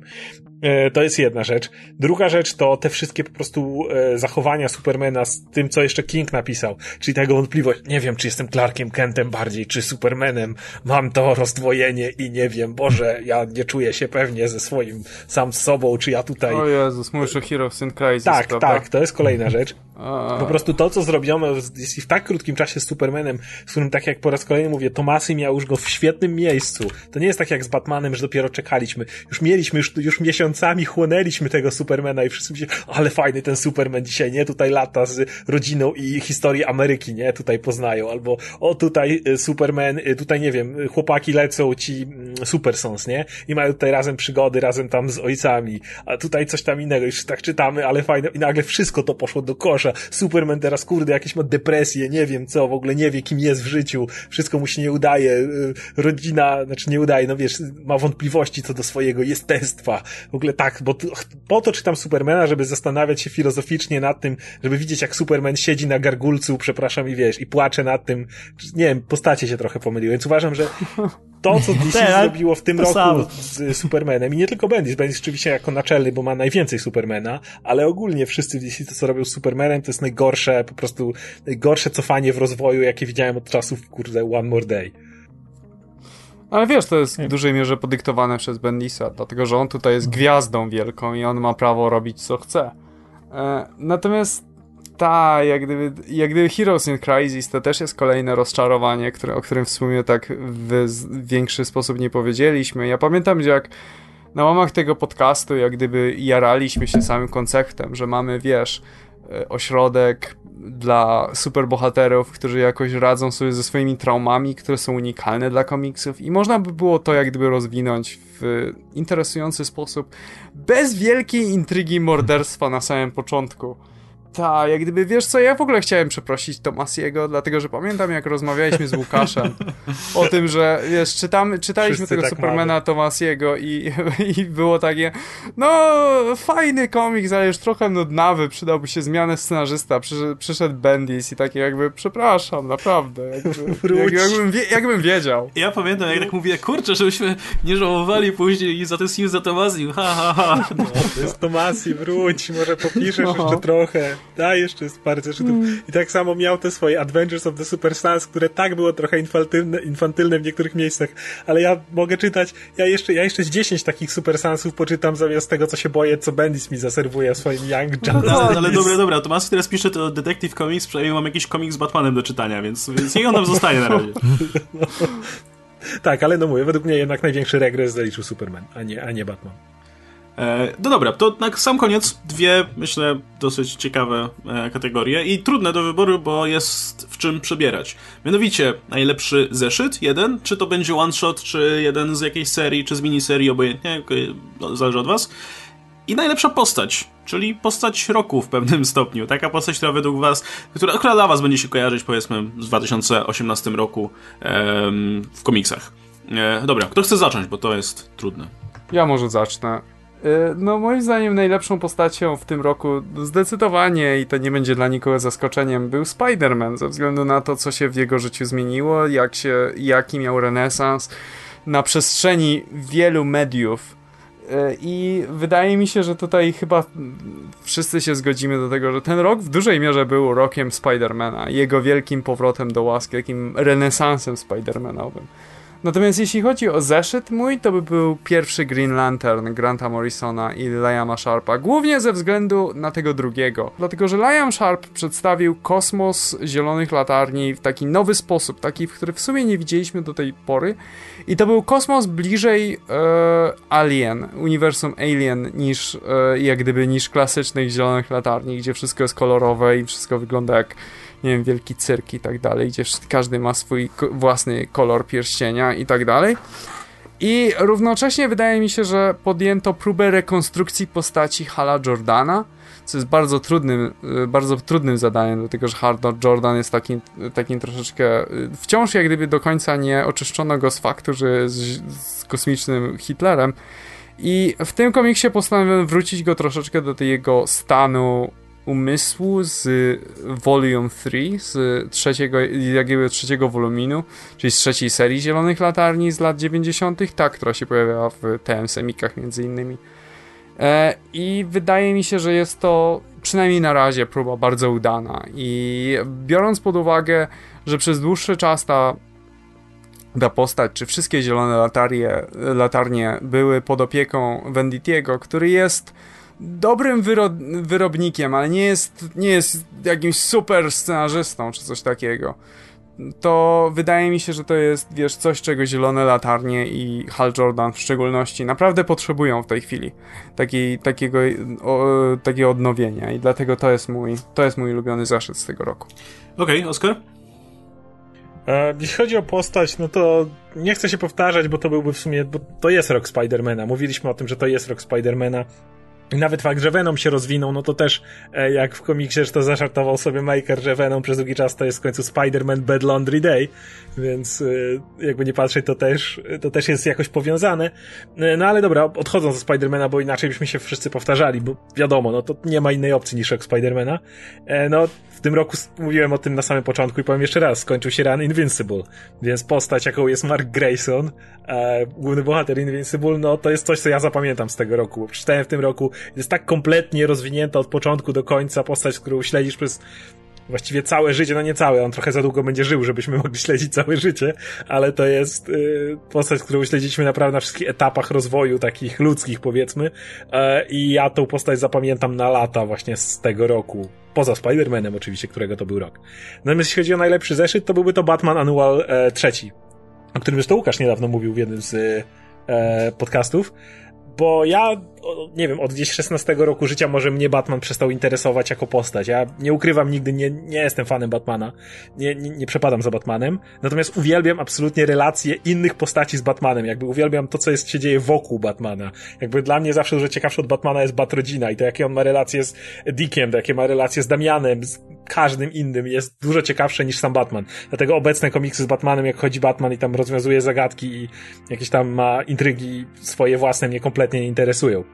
A Batman Annual, Annual 3 e, to jest poświęcony Alfredowi, najbardziej niedocenione i zawsze postaci, które nawet ludzie zapominają, jak mówią o Batrodzinie, a kurde, bez Alfreda nie byłoby Batmana i nie byłoby żadnej Batrodziny. I to jest przez Toma Taylora napisany zeszyt, który jest tak uroczy. On jakby mówi wszystko, co ja chcę, żeby mi powiedział, jakby jednocześnie. czasami lubisz czytać to, co chcesz dostać. I ten komiks daje absolutnie wszystko to, czego chce, jakby podkreśla, jak istotny jest Alfred, jak istotna jest relacja, jak istotny nie tylko dla Batmana, ale jakby dla Bruce'a Wayne'a jest, jest y, Alfred, jakby, że nawet dla samego Alfreda Bruce jest w stanie zrezygnować z pewnych rzeczy, o których nie pomyślałbyś, żeby dla kogokolwiek innego mógłby w stanie poświęcić w ten sposób jak dla Alfreda. No tej de facto relacji ojcowskiej, którą Alfred na, na, na niego ma, to, że on wychował go jako, jako swojego syna, też wiele osób o tym zapomina, że no de facto Bruce Wayne ma ojca i jest nim Alfred. E, I ten komiks wszystko to mówi i jakby jeszcze więcej. No i ja mówię, ja uwielbiam, to mnie nie interesują naprawdę kryminalne zagadki Batmana często. Nie, jasne, mogę to poczytać czasami, ale, ale aż tak mnie to nie, nie kręci, jak idea tego, jak y, pewni ludzie w otoczeniu Batmana się zachowują z Alfredem na czele, a ten komiks jest właśnie wszystkim tym ładnie, ładnie spiętym, więc, więc jest absolutnie rewelacyjny. Okej, okay, i Radek? No to u mnie oczywiście będzie Nightwing, Rick Grayson. Najlepsza postać. Nie, nie. Rick. nie, Rick. Rick, Rick. Powiedziałem Rick. Rick powiedziałem Rick. Okay. Już tylko Rick. Już nie ma nic innego. Nie, ale ogólnie... Kurwa głupio. Tak. Penis. Dick, Dick, Dick ewoluuje. Błagam. Tego tak, tak nazwał. Kiedy go tak nazwali? W latach 40 czy co? Wiesz, mogliby, wiesz, ewolucja Pokemona. Dick ewoluuje w Ricka, nie? No, ale ale nie, jeśli ogólnie chodzi o popkultu, pop, pop, popkulturowo, to będzie Spider-Man, wiadomo, bo to był jego rok. Fajnie, że tak trzymałeś nas niepewności. Nie, nie, nie, ale nie, nie, to, ale to, to, to, to na boku. E, świetny jest też, wiadomo, Punisher tego e, Rosenberga, ale podoba mi się strasznie, co w ostatnim roku działo się z X-kobietami, dziewczynami z tych komiksów, właśnie z X-menami, nie? Że na przykład e, Honey Badger jest świetnie rozwiniętą postacią, bo się spodziewałem, że ona wie, że jednak będzie tym e, reliefem cały czas, nie? A to kurczę, to jest e, kompetentna postać, która pasuje do, tych, do tej, do tej cała relacja, dynamika z Laurą działa i to jak działa z innymi innymi postaciami X-Menów, to jest strasznie fajne, nie? Że to nie jest tylko postać, która się pojawia dla Becky gdzieś w tle, tylko, tylko kurczę, no jest kompletną postacią, nie? E, ale Rogue jest świetnie prowadzona też przez Kelly Thompson, ale na pierwszym miejscu będę miał jednak tą e, Jean Grey Taylora, która, mówię, spodziewałem się, że to będzie znowu powrót Jean Grey, tej nudnej Jean Grey, którą trzeba, wiesz, zrobić jej klona demonicznego, żeby, żeby była ciekawa, ale Tom Taylor, kurczę, pokazał, że to jest, wiesz, ogarniająca e, kobieta, która, wiesz, trzyma ten cały zespół i robiła rzeczy i udało jej się i wchodzi, wiesz, w nową epokę jako, jako postać, wiesz, na dobrym miejscu do startu znowu, żeby, żeby być kimś ciekawym. No i nie wiem, jakoś tak, tak mi się będzie ten rok kojarzył właśnie z tą fajną serią X-Men Red i z e, właśnie z Jean Grey i powrotem. A jeśli chodzi o numer pojedynczy, to u mnie chyba będzie Swamp Thing Winter Special e, Toma Kinga. To jest historia, gdzie właśnie e, Swamp Thing przez cały zeszyt idzie z dzieciakiem przez e, takie skute lodem, śniegiem tereny, lasy i coraz bardziej tam dogorywa, ale chce za wszelką cenę tego dzieciaka uratować i wiesz, go tam zaprowadzić do rodziców i, i żeby tylko ten dzieciak przeżył. I tam jest w pewnym momencie taki naprawdę mocarny twist i, i taka o, dzie dzieją się rzeczy, które naprawdę pozostawiają się takim wow, kurde, to było, wiesz, mocne i naprawdę King tam pokazał, wiesz, taką e, pełną kingowszczyznę. I świetnie to narysował też Jason Fabok przy okazji, ale, ale to, był, to, to był ten king, który się, wiesz, nie, nie, nie jest tym, który się tam rozmienia drobne w Batmanie, tylko tym takim właśnie Mr. Miracle'owym, który, wiesz, potrafi cię zaskoczyć, potrafi świetnie poprowadzić tą historię, że, wiesz, masz zaciśnięte pięści cały czas, czy im się uda, i nagle jest takie bum, nie? Dzieją się rzeczy i jesteś naprawdę taka świetna, świetna, świetna, świetna rzecz się dzieje. Znaczy świetna, no no dzieje się. Więc e, polecam, jeśli ktoś nie czytał tego Winter Speciala e, to, to jest Tom King na ostrym Tommy Kingu, więc to jest, to jest mój zeszyt. E, ja, ja pamiętam, że chyba mówiłem o tym w podcaście jakiś czas temu i faktycznie to, to, to był bardzo fajny zeszyt. E, natomiast e, mój wybór to Immortal Hulk 7. To jest ten zeszyt, gdzie e, Hulka próbuje zatr- próbują zatrzymać Avengers, czy aktualnie Avengers. To jest, kurna, przerażające gówno. Ja pierdolę w ogóle ta, ta ekipa Avengers, która w tym wydaniu, wiecie, wiecie, pokonuje, kurde, armię Celestiali i ratuje Ziemię w ten sposób. E, no nie jest w stanie sobie poradzić z tym Hulkiem, który jest, e, raz, że jest e, potężny, dwa, że jest, no, bystry, strasznie bystry i przez to jest dużo bardziej przerażający. I tam są tak cudowne dialogi i to jest tak niesamowicie narysowane. I ten komiks dalej pozostaje straszny, mimo że mamy te typowo Marvelowe elementy, połączenie z tym głównym uniwersum, mamy tych Avengers, którzy teraz biegają tam w komiksach Arona, a to wciąż nie traci swojego klimatu i myślę, że jakbym miał komuś wepchnąć jeden zeszyt tej serii i pokazać, jak, jak jest dobra, to, to byłby właśnie ten. No, a natomiast jeśli chodzi o postać, yy, to ja bym w sumie zaradkiem powiedział, bo raz, że jasne, to był rok Spidermana w dużym względzie, ale dla mnie jako czytelnika to przede wszystkim był rok dużego renesansu X-Men, przede wszystkim jakościowego, bo mm, jasne, te zmiany już mieliśmy wcześniej, ale w tym roku te serie, miniserie e, były naprawdę bardzo dobre i większość z nich czytała mi się bardzo dobrze, a X-Men Red no, było na czele tego wszystkiego, było bardzo równą, bardzo fajną serią e, i no najważniejsze postacie w tej serii, no to była właśnie mm, e, Laura, o której nie wspomniałeś, Gabi i e, Jean Grey. Ja nie lubię Jean Grey i to nie ukrywałem tego nigdy, ale fakt, że napisano ją w taki sposób, że miała sens tutaj w tej serii, było wiadomo o co jej chodzi, to się wszystko trzymało kupy, to, to jak dla mnie, no, jest, jest znakiem tego, że naprawdę bardzo, bardzo dobrze tę postać tutaj zaprezentowano. I to, to, to jest najlepszy znak tego w ogóle, jak, jak fajni scenarzyści się biorą obecnie za X-Men, jak, jak, jak udaje się nawet tak dziwaczne rzeczy jak powrót Jean Grey po latach ograć w taki sposób, że ma to sens i naprawdę, no, działa. Więc, więc dla mnie Jean Grey jest symbolem właśnie tej, tego dużego renesansu X-Men, który się odbył w zeszłym roku. Mam nadzieję, że będzie tylko lepiej. Um, choć niestety seria X-Men akurat się skończyła. Dobra, słuchajcie, ostatnia kategoria, jaka nam została, to jest najlepszy film. Jestem ciekaw, czy ktoś się wyłamie. Czy ktoś Powiem Aquaman, bo wszyscy weźmiecie Spider-Verse. Ja, mi się też bardzo, bardzo podobał Aquaman, ale no nie, kurde, no nie umiałbym powiedzieć, że, że Aquaman jest lepszy jednak. Mimo, że szczerze, gdybym miał teraz, byłem dwa razy na jednym, dwa razy na drugim, jakbym miał teraz iść znowu na jakiś film, pewnie prędzej poszedł na Aquamana do IMAXa, e, bo to jest taka, wiecie, dawka serotoniny ale, ale wciąż, kurczę, Spider-Verse wydaje mi się, no jakby miał uczciwie robić ranking, byłoby wyżej. Nie, no Spider-Verse jest fantastycznym filmem i jest troszeczkę fenomenem tego, biorąc pod uwagę, wiesz, całe dramy, które się odbywały dookoła Sony i tak dalej i to jak przez lata, jak gdyby Spider-Man pozostawał niezrozumiany, jak gdyby dostawać tak wierną adaptację, która, wiesz, jak gdyby... I to z Milesem. Przyjmuje... Ta, I to z Milesem ale wiesz, nie tylko z Milesem, jak gdyby to jest, to jest ogólnie celebracja wszystkiego, co jest związanego ze Spider-Manem. I to jest, to jest niesamowite w tym filmie, że nawet jeżeli, nawet jeżeli Miles się szczególnie nie obchodzi i Peter Parker to jest ten jedyny twój Spider-Man z dzieciństwa, to tutaj jak gdyby w 100% powinieneś wyjść usatysfakcjonowany. I e, jak, i jeszcze jak do tego dochodzi jeszcze animacja i w ogóle to jaki film jest fantastyczny, dobrze napisany, to nie, Spider-Verse jest zdecydowanie najlepszym filmem superbohaterskim roku. Ale myślę, że Aquaman zasługuje na spora miłości e, także, ze względu na to jak, wiesz, jak się wyłamał z trendu dotychczasowych filmów uniwersum DC, jak jest bezwstydny w ogóle, dlatego że wszystkie dotychczasowe filmy Warner Bros. DC były, były oklejone taką warstwą wstydu, gdzie wiesz, o to nie jest Superman, to jest człowiek ze stali. Eee, I jak gdyby, wiesz, wszystkie były wyprane z tej niesamo- z kolorów i niesamowitości, bo ludzie się skupiają na kolorze, ale chodzi też o to, że. Co, co te kolory symbolizują, nie?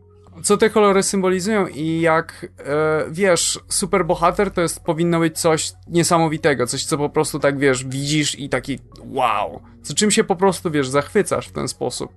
Niekoniecznie, wiesz, bo Aquaman sam z siebie jako film zupełnie bez kontekstu wyrwany nie jest idealny w żaden sposób. To jest taki czysty kamp i rozrywka, ale w dużej mierze, może przez Mrocznego Rycerza, E, może przez, nie wiem, nawet Kapitan Amerykę, e, Civil War, jak gdyby przyzwyczailiśmy się do tego, że o, filmy o superbohaterach są dobre, jeśli mówią coś nowego o kondycji człowieka, czy o polityce, czy o, o tym, czy tamtym.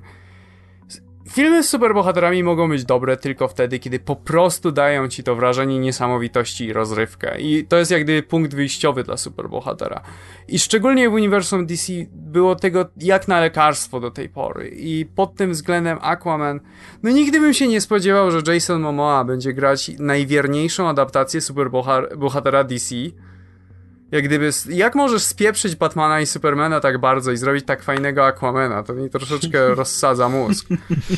I,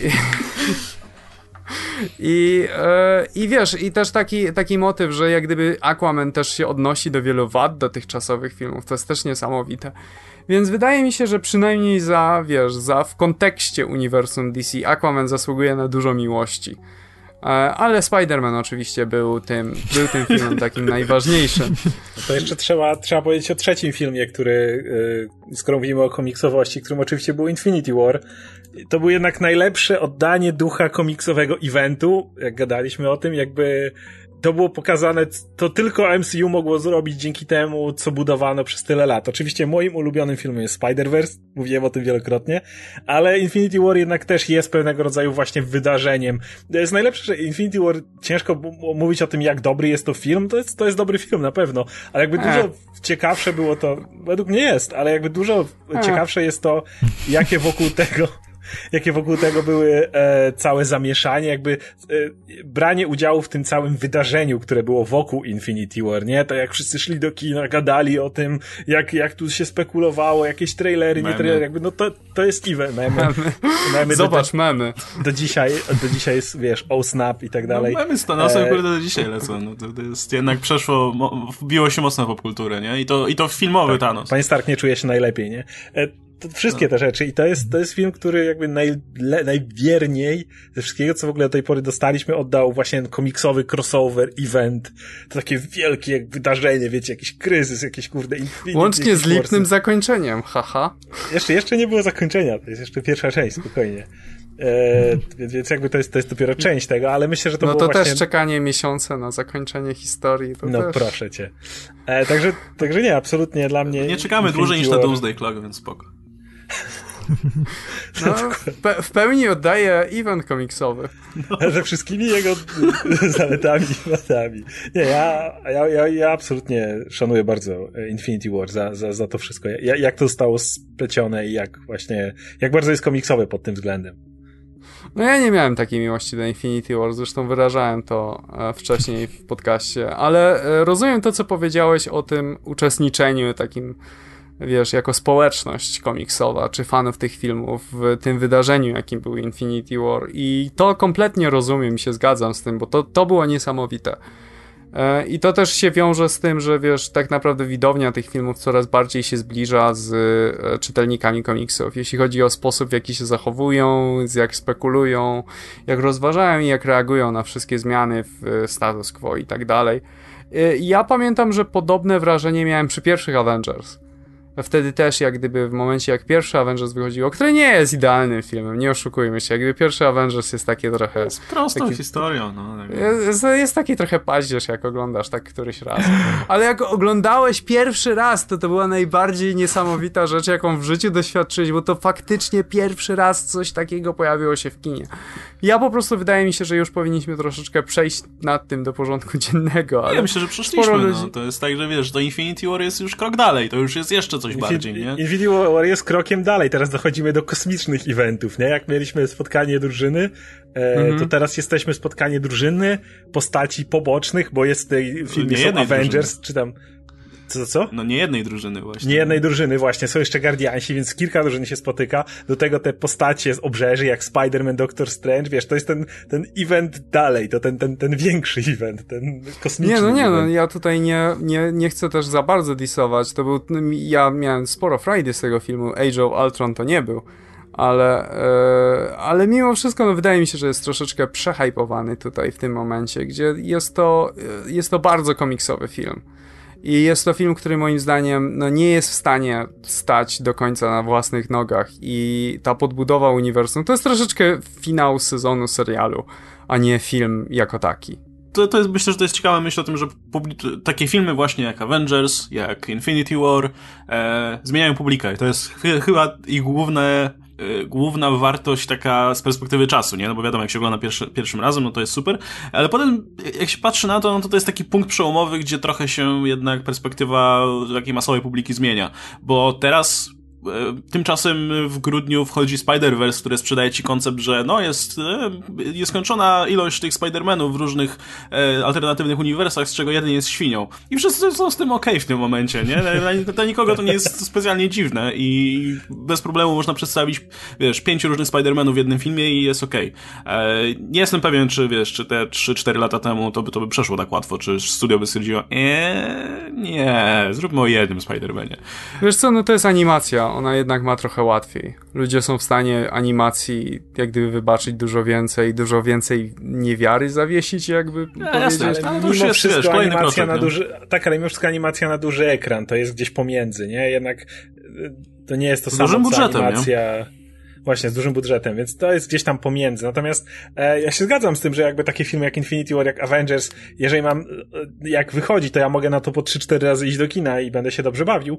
Natomiast jeżeli miałbym to za rok oglądać, to jakby Avengers czy, czy Infinity War nie będą pierwszymi filmami, do których bym wrócił i obejrzał je po raz kolejny. One są dobre właśnie wtedy, kiedy wychodzą, kiedy to jest ten cały napięcie tego, że to się wszystko zbiega w tym miejscu. No ale tak samo eventy to też nie są zwykle historie, do których po, wracam po 10 razy, to są pojedyncze, ale poza tym nie, to, to, to, i one spełnią bardzo wyjątkową rolę w tym miejscu. I nawet jakbyś miał je zestawić, no nie, da się porównać Infinity War z jakimkolwiek innym filmem, e, bo, bo, masz film, który tak jak mówisz nie stoi na własnych nogach, tylko coś tam spina, jest jakimś takim ukoronowaniem tego wszystkiego, ale on nie jest sam w sobie stojącym filmem, który może jakoś zestawić obok drugiego i porównać, bo, bo to zupełnie są inne twory i inne, inne produkty. I to jest też samo w sobie ciekawe, że dożyliśmy tego kiedy, kiedy coś takiego może trafić do kin, co ciężko nazwać tak naprawdę samotnym filmem, no bo to już jest trochę coś innego. No to jest właśnie jak finał sezonu. Tak, coś trochę tak. bardziej. Gdzie jak gdyby swoją drogą te filmy MCU troszeczkę działają jak taki serial z zmienną z tym, obsadą. Że wiele z nich stoi na własnych nogach i możesz je obejrzeć, nawet kolejnych części Oczywiście. bez problemu, a Infinity War już nie bardzo. Jakby. Radek, a jak ty wspominasz Infinity War? Czy czujesz, czujesz się w tym momencie zmęczony już taką formą? Troszkę tu starzejącym się w oczach Chrisem Prattem, który, którego widzisz i widzisz, bo się nie kończy. Nie, ja wiesz, dobrze wspominam Infinity War, to jest super film, ale, ale tak jak mówicie, że no jakbym miał do czegoś wrócić, to bym wcześniej, szybciej wracał, wiadomo, do takich filmów jak właśnie Spider-Verse, które są bardziej filmami, nie są podsumowaniem jakiejś, wiesz, epoki właśnie, bo e, Infinity War to jest podsumowanie pewnego etapu, jest, fantastycznie funkcjonuje jako, wiesz, zbicie tych wszystkich wątków w jedno i, wiesz, to przed, przedsmak tego wielkiego, wielkiego finału, nie? I super tutaj działa, jak jesteś w kinie, jak się jarasz tym, wiesz co było wcześniej Najlepszy i wiedzieć, jak to się skończy. Historii, nie? Tak, tak, tak. I, i wiesz, ma, ma fajne, ma fajne ten, jak to się nazywa, e, takie sekwencje, wiesz, mini sekwencje, które w tym filmie działają, nie? I nadal, nadal sobie chcę je na YouTubie przypomnieć, nie? Wiesz, tam wejście kapa i takie rzeczy. Ale jeśli miałbym żyć do pełnego filmu jeszcze raz, to, to wiadomo, że wcześniej bardziej koherentnych obrazów, albo no właśnie takie jak Spider-Man, który jest fantastyczny. Kurczę, wiesz, że w tym momencie bym szybciej wrócił do Spider-Mana dwójki Raimiego niż do Infinity War. No tak serio, bo, to, Nie, pełna no, zgoda. No, ja, nie, no. ja nie lubię No bo wiem, ale... Nie lubisz no, Raimiego, ale to jest, wiesz, nie, nie łapiesz konwencji. Tak, ale właśnie, właśnie, ale wiesz, ale, ale Spider-Man 2 to jest właśnie bardziej koherentny jako film, nie? Że chcesz to obejrzeć jako właśnie film, bo to ma strukturę bardziej filmu, a nie jest y, czymś, co musisz, wiesz, znać y, gdzieś tam z 20 innych filmów, żeby, żeby wiesz, wszystko połączyć, wszystko, żeby brnęło do tego momentu. No bo to jest już jak film dla ludzi, którzy, którzy w tym siedzą, nie? Że, nie, ale wiesz, no. E, no to jest też troszeczkę cena łączonego uniwersum. To tak, jest taki tak, obosieczny dokładnie. topór, gdzie z jednej strony masz to wrażenie tego, że jest to żywy świat, który funkcjonuje jakoś bez, bez nawet bez filmu, po prostu sam z siebie funkcjonuje gdzieś tam w, w wieloświecie ale z drugiej strony to jest bardzo ograniczające artystycznie gdzie, wiesz, gdzie jeżeli teraz e, nowy scenarzysta przejmie na przykład e, nowego, nie wiem, doktora Strange'a czy coś, to jak gdyby musi się ograniczać do tego, co się wydarzyło do tej pory. Nie może, nie może wyjść ponad to i nie może zmienić za bardzo, żeby to się, żeby to nie zniszczyło znaczy, wiesz, to się, ogólnego to się planu uniwersum. To już na, na, tym etapie, że się coraz bardziej zamienia w te uniwersum komiksowe, nie? Tak. Że I zastanawiam mnie, się za siebie. Zastanawia mnie właśnie, kiedy dojdziemy do tego punktu, gdzie ludzie nie będą wiedzieć, gdzie zacząć właściwie oglądać filmy MCU. Um, gdzie, będzie, gdzie będziesz mieć posty na forach ten ej, chciałbym zobaczyć jakiś film Marvela, polećcie coś. No, nie wiem, wydaje mi się, zacząć. że jak, jak dojdziemy do tego punktu, gdzie to faktycznie będzie realny problem, to, to się zrobi reboot i już taki, wiesz, ko, ko, kompletny, bo już będzie, no, wiesz, przyjdą, no, przyjdzie nowe pokolenie widzów, które już nie będzie związane aż tak z tymi filmami, e, przyjdzie na gotowe, więc prędzej zaakceptują Wiesz co, no, kiedyś w komiksach też tak myślano. Jak gdyby DC swego czasu zrebootowało całe swoje uniwersum, w ogóle się nie przejmując tym, co było wcześniej, właśnie na, myśląc w ten sposób, jak wymieniłeś, i ostatecznie musieli się do tego cofnąć, dlatego że nie, okazało się, że stara widownia nadal trzymała się tam gdzieś w tle i po jakimś czasie jak gdyby się zaczęli odzywać. Więc zastanawiam się po prostu na ile e, kino amerykańskie i na ile, wiesz, rynek tamtejszy jest w stanie tych superbohaterów e, utrzymać na wodzy, tak żeby nie stali się dominującym motywem i tak jak, się sta- tak jak to się stało z komiksem. Oczywiście w komiksach było wiele powodów ku temu, Comics Code Authority byłby jednym z głównych, ale no mimo wszystko widzimy jednak takie, widzimy jednak to, że te, te komiksy, te filmy z superbohaterami są na jakiś sposób dominujące w tej chwili. To prawda. Szczególnie jak spojrzymy sobie na zarobki takich filmów jak Venom czy Aquaman, po których nikt się nie spodziewał super wyników. I w sumie nie ma super wyników, ale w USA. Natomiast poza USA zarabiają grube, grube hajsy i yy, no i studia pewnie będą kręcić dalej, no bo wiadomo, o, oczywista sprawa. E, o Spider-Manie i czy raczej o e, Spider-Man Into the Spider-Verse będzie jeszcze dyskusja. E, którą poprowadzi Oscar na swoim kanale i pewnie niebawem się e, ukaże. Natomiast ja się zastanawiam, być może o Aquamanie jeszcze też, też sobie pogadamy osobno.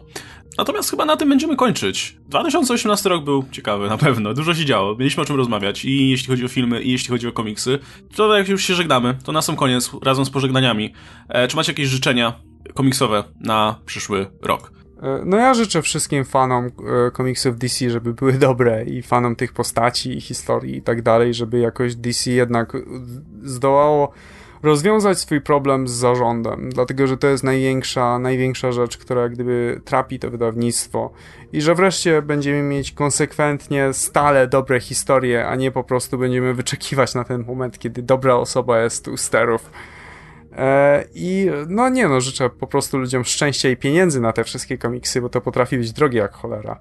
No to przede wszystkim niech DC się wreszcie poprawi, bo ja głupio mi, aż, jest tak głupio, że zawsze jest, że o, to Marvel, fanboy i w ogóle, tylko ja przez długi czas czytałem naprawdę sporo, czytałem prawie wszystkie serie DC, jak Reber wyszło prawie. I naprawdę chciałbym wrócić do czytania choć kilku serii DC, no te Detective Comics będę jedne czytał, bo chociaż pisze je to Masli, ale ja naprawdę chciałbym znowu mieć swojego Supermana, chciałbym naprawdę móc czytać DC i się tym cieszyć i mówić, jakie fajne, jakie super, a nie mogę, więc, więc to jest jedna rzecz, a druga, no to dobra, Spencer, poszedłeś fajnie, już, już nie owijajmy w bawełnę, człowiek w bandażach to jest jakiś aspekt Mephisto, tak?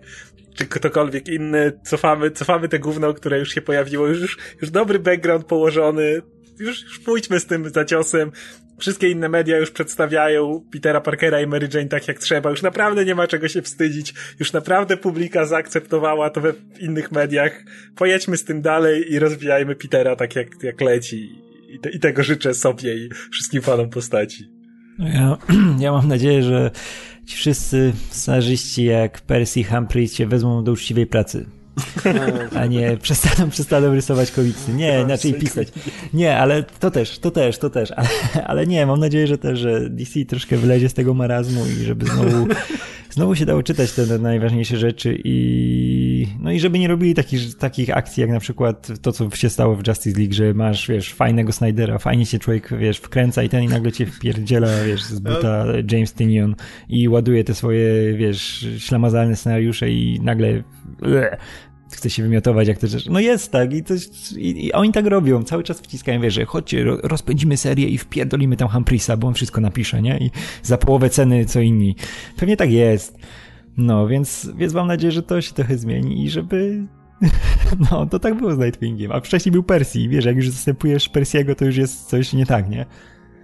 Więc mam nadzieję, że to się troszkę zmieni i że ci z Marvela, ci, ci nasi twitterowcy nie, nie, nie, nie spuszczą stonu i będą dalej, dalej łupać fajne, fajne komiksy. Chcę po prostu fajnych komiksów. Nie, nie muszą tam za bardzo cudować, ale żeby nie robili wiochy, jak ci starzy. No. Super. Dzięki wielkie i ja w sumie dołączę się tylko do tego też. Marvel niech robi to, co robi, bo robi to na razie dobrze, a liczyłbym bardzo, że w DC znajdzie się parę nowych serii do czytania, robionych przez jakichś fajnych autorów. Niech kurczę wyciągną do jakichś tam ludzi z Image, który, którzy robią jakieś swoje małe serie, niech ich wcisną do siebie, dadzą im jakieś serie, da, wolną rękę, niech robią co chcą i, i może, może będzie coś z tego jeszcze do, do czytania. No bo poza tym Tomasim, czy Morrisonem, czy jakimś tam Lemirem, no to też w sumie nie mam za bardzo z czego wybierać, a chciałbym, bo mi się swego czasu dobrze czytało niektóre serie z Rebert i byłoby fajnie do tego wrócić. No, także myślę, że wspólnie życzymy, życzymy, życzymy DC lepszego roku, to na pewno, bo kon dobra konkurencja na pewno będzie, będzie korzystna dla nas, czytelników. E, ja również dziękuję w takim razie jeszcze raz, e, super, że wpadliście i e, do zobaczenia w kolejnym odcinku. Przypominam jeszcze, że można znaleźć na Spotify i zachęcamy do subskrybowania i słuchania nas y, tam lub w aplikacjach podcastowych lub oczywiście też tutaj na, na YouTube, jeśli słuchacie nas w ten sposób. No i widzimy się już, w, znaczy widzimy, słyszymy się już w kolejnym regularnym odcinku. Do zobaczenia, do usłyszenia, trzymajcie się, cześć.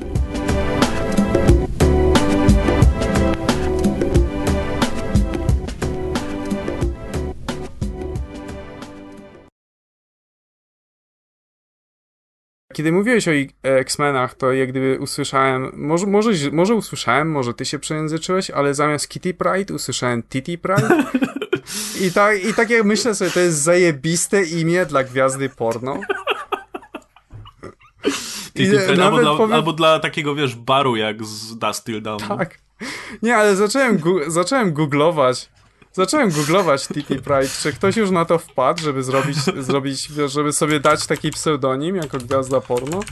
I niestety znalazłem tylko jeden film, jak gdyby z ludzi, którzy nakręcają, wiesz, filmy y, na plaży topless. TT e, Pride.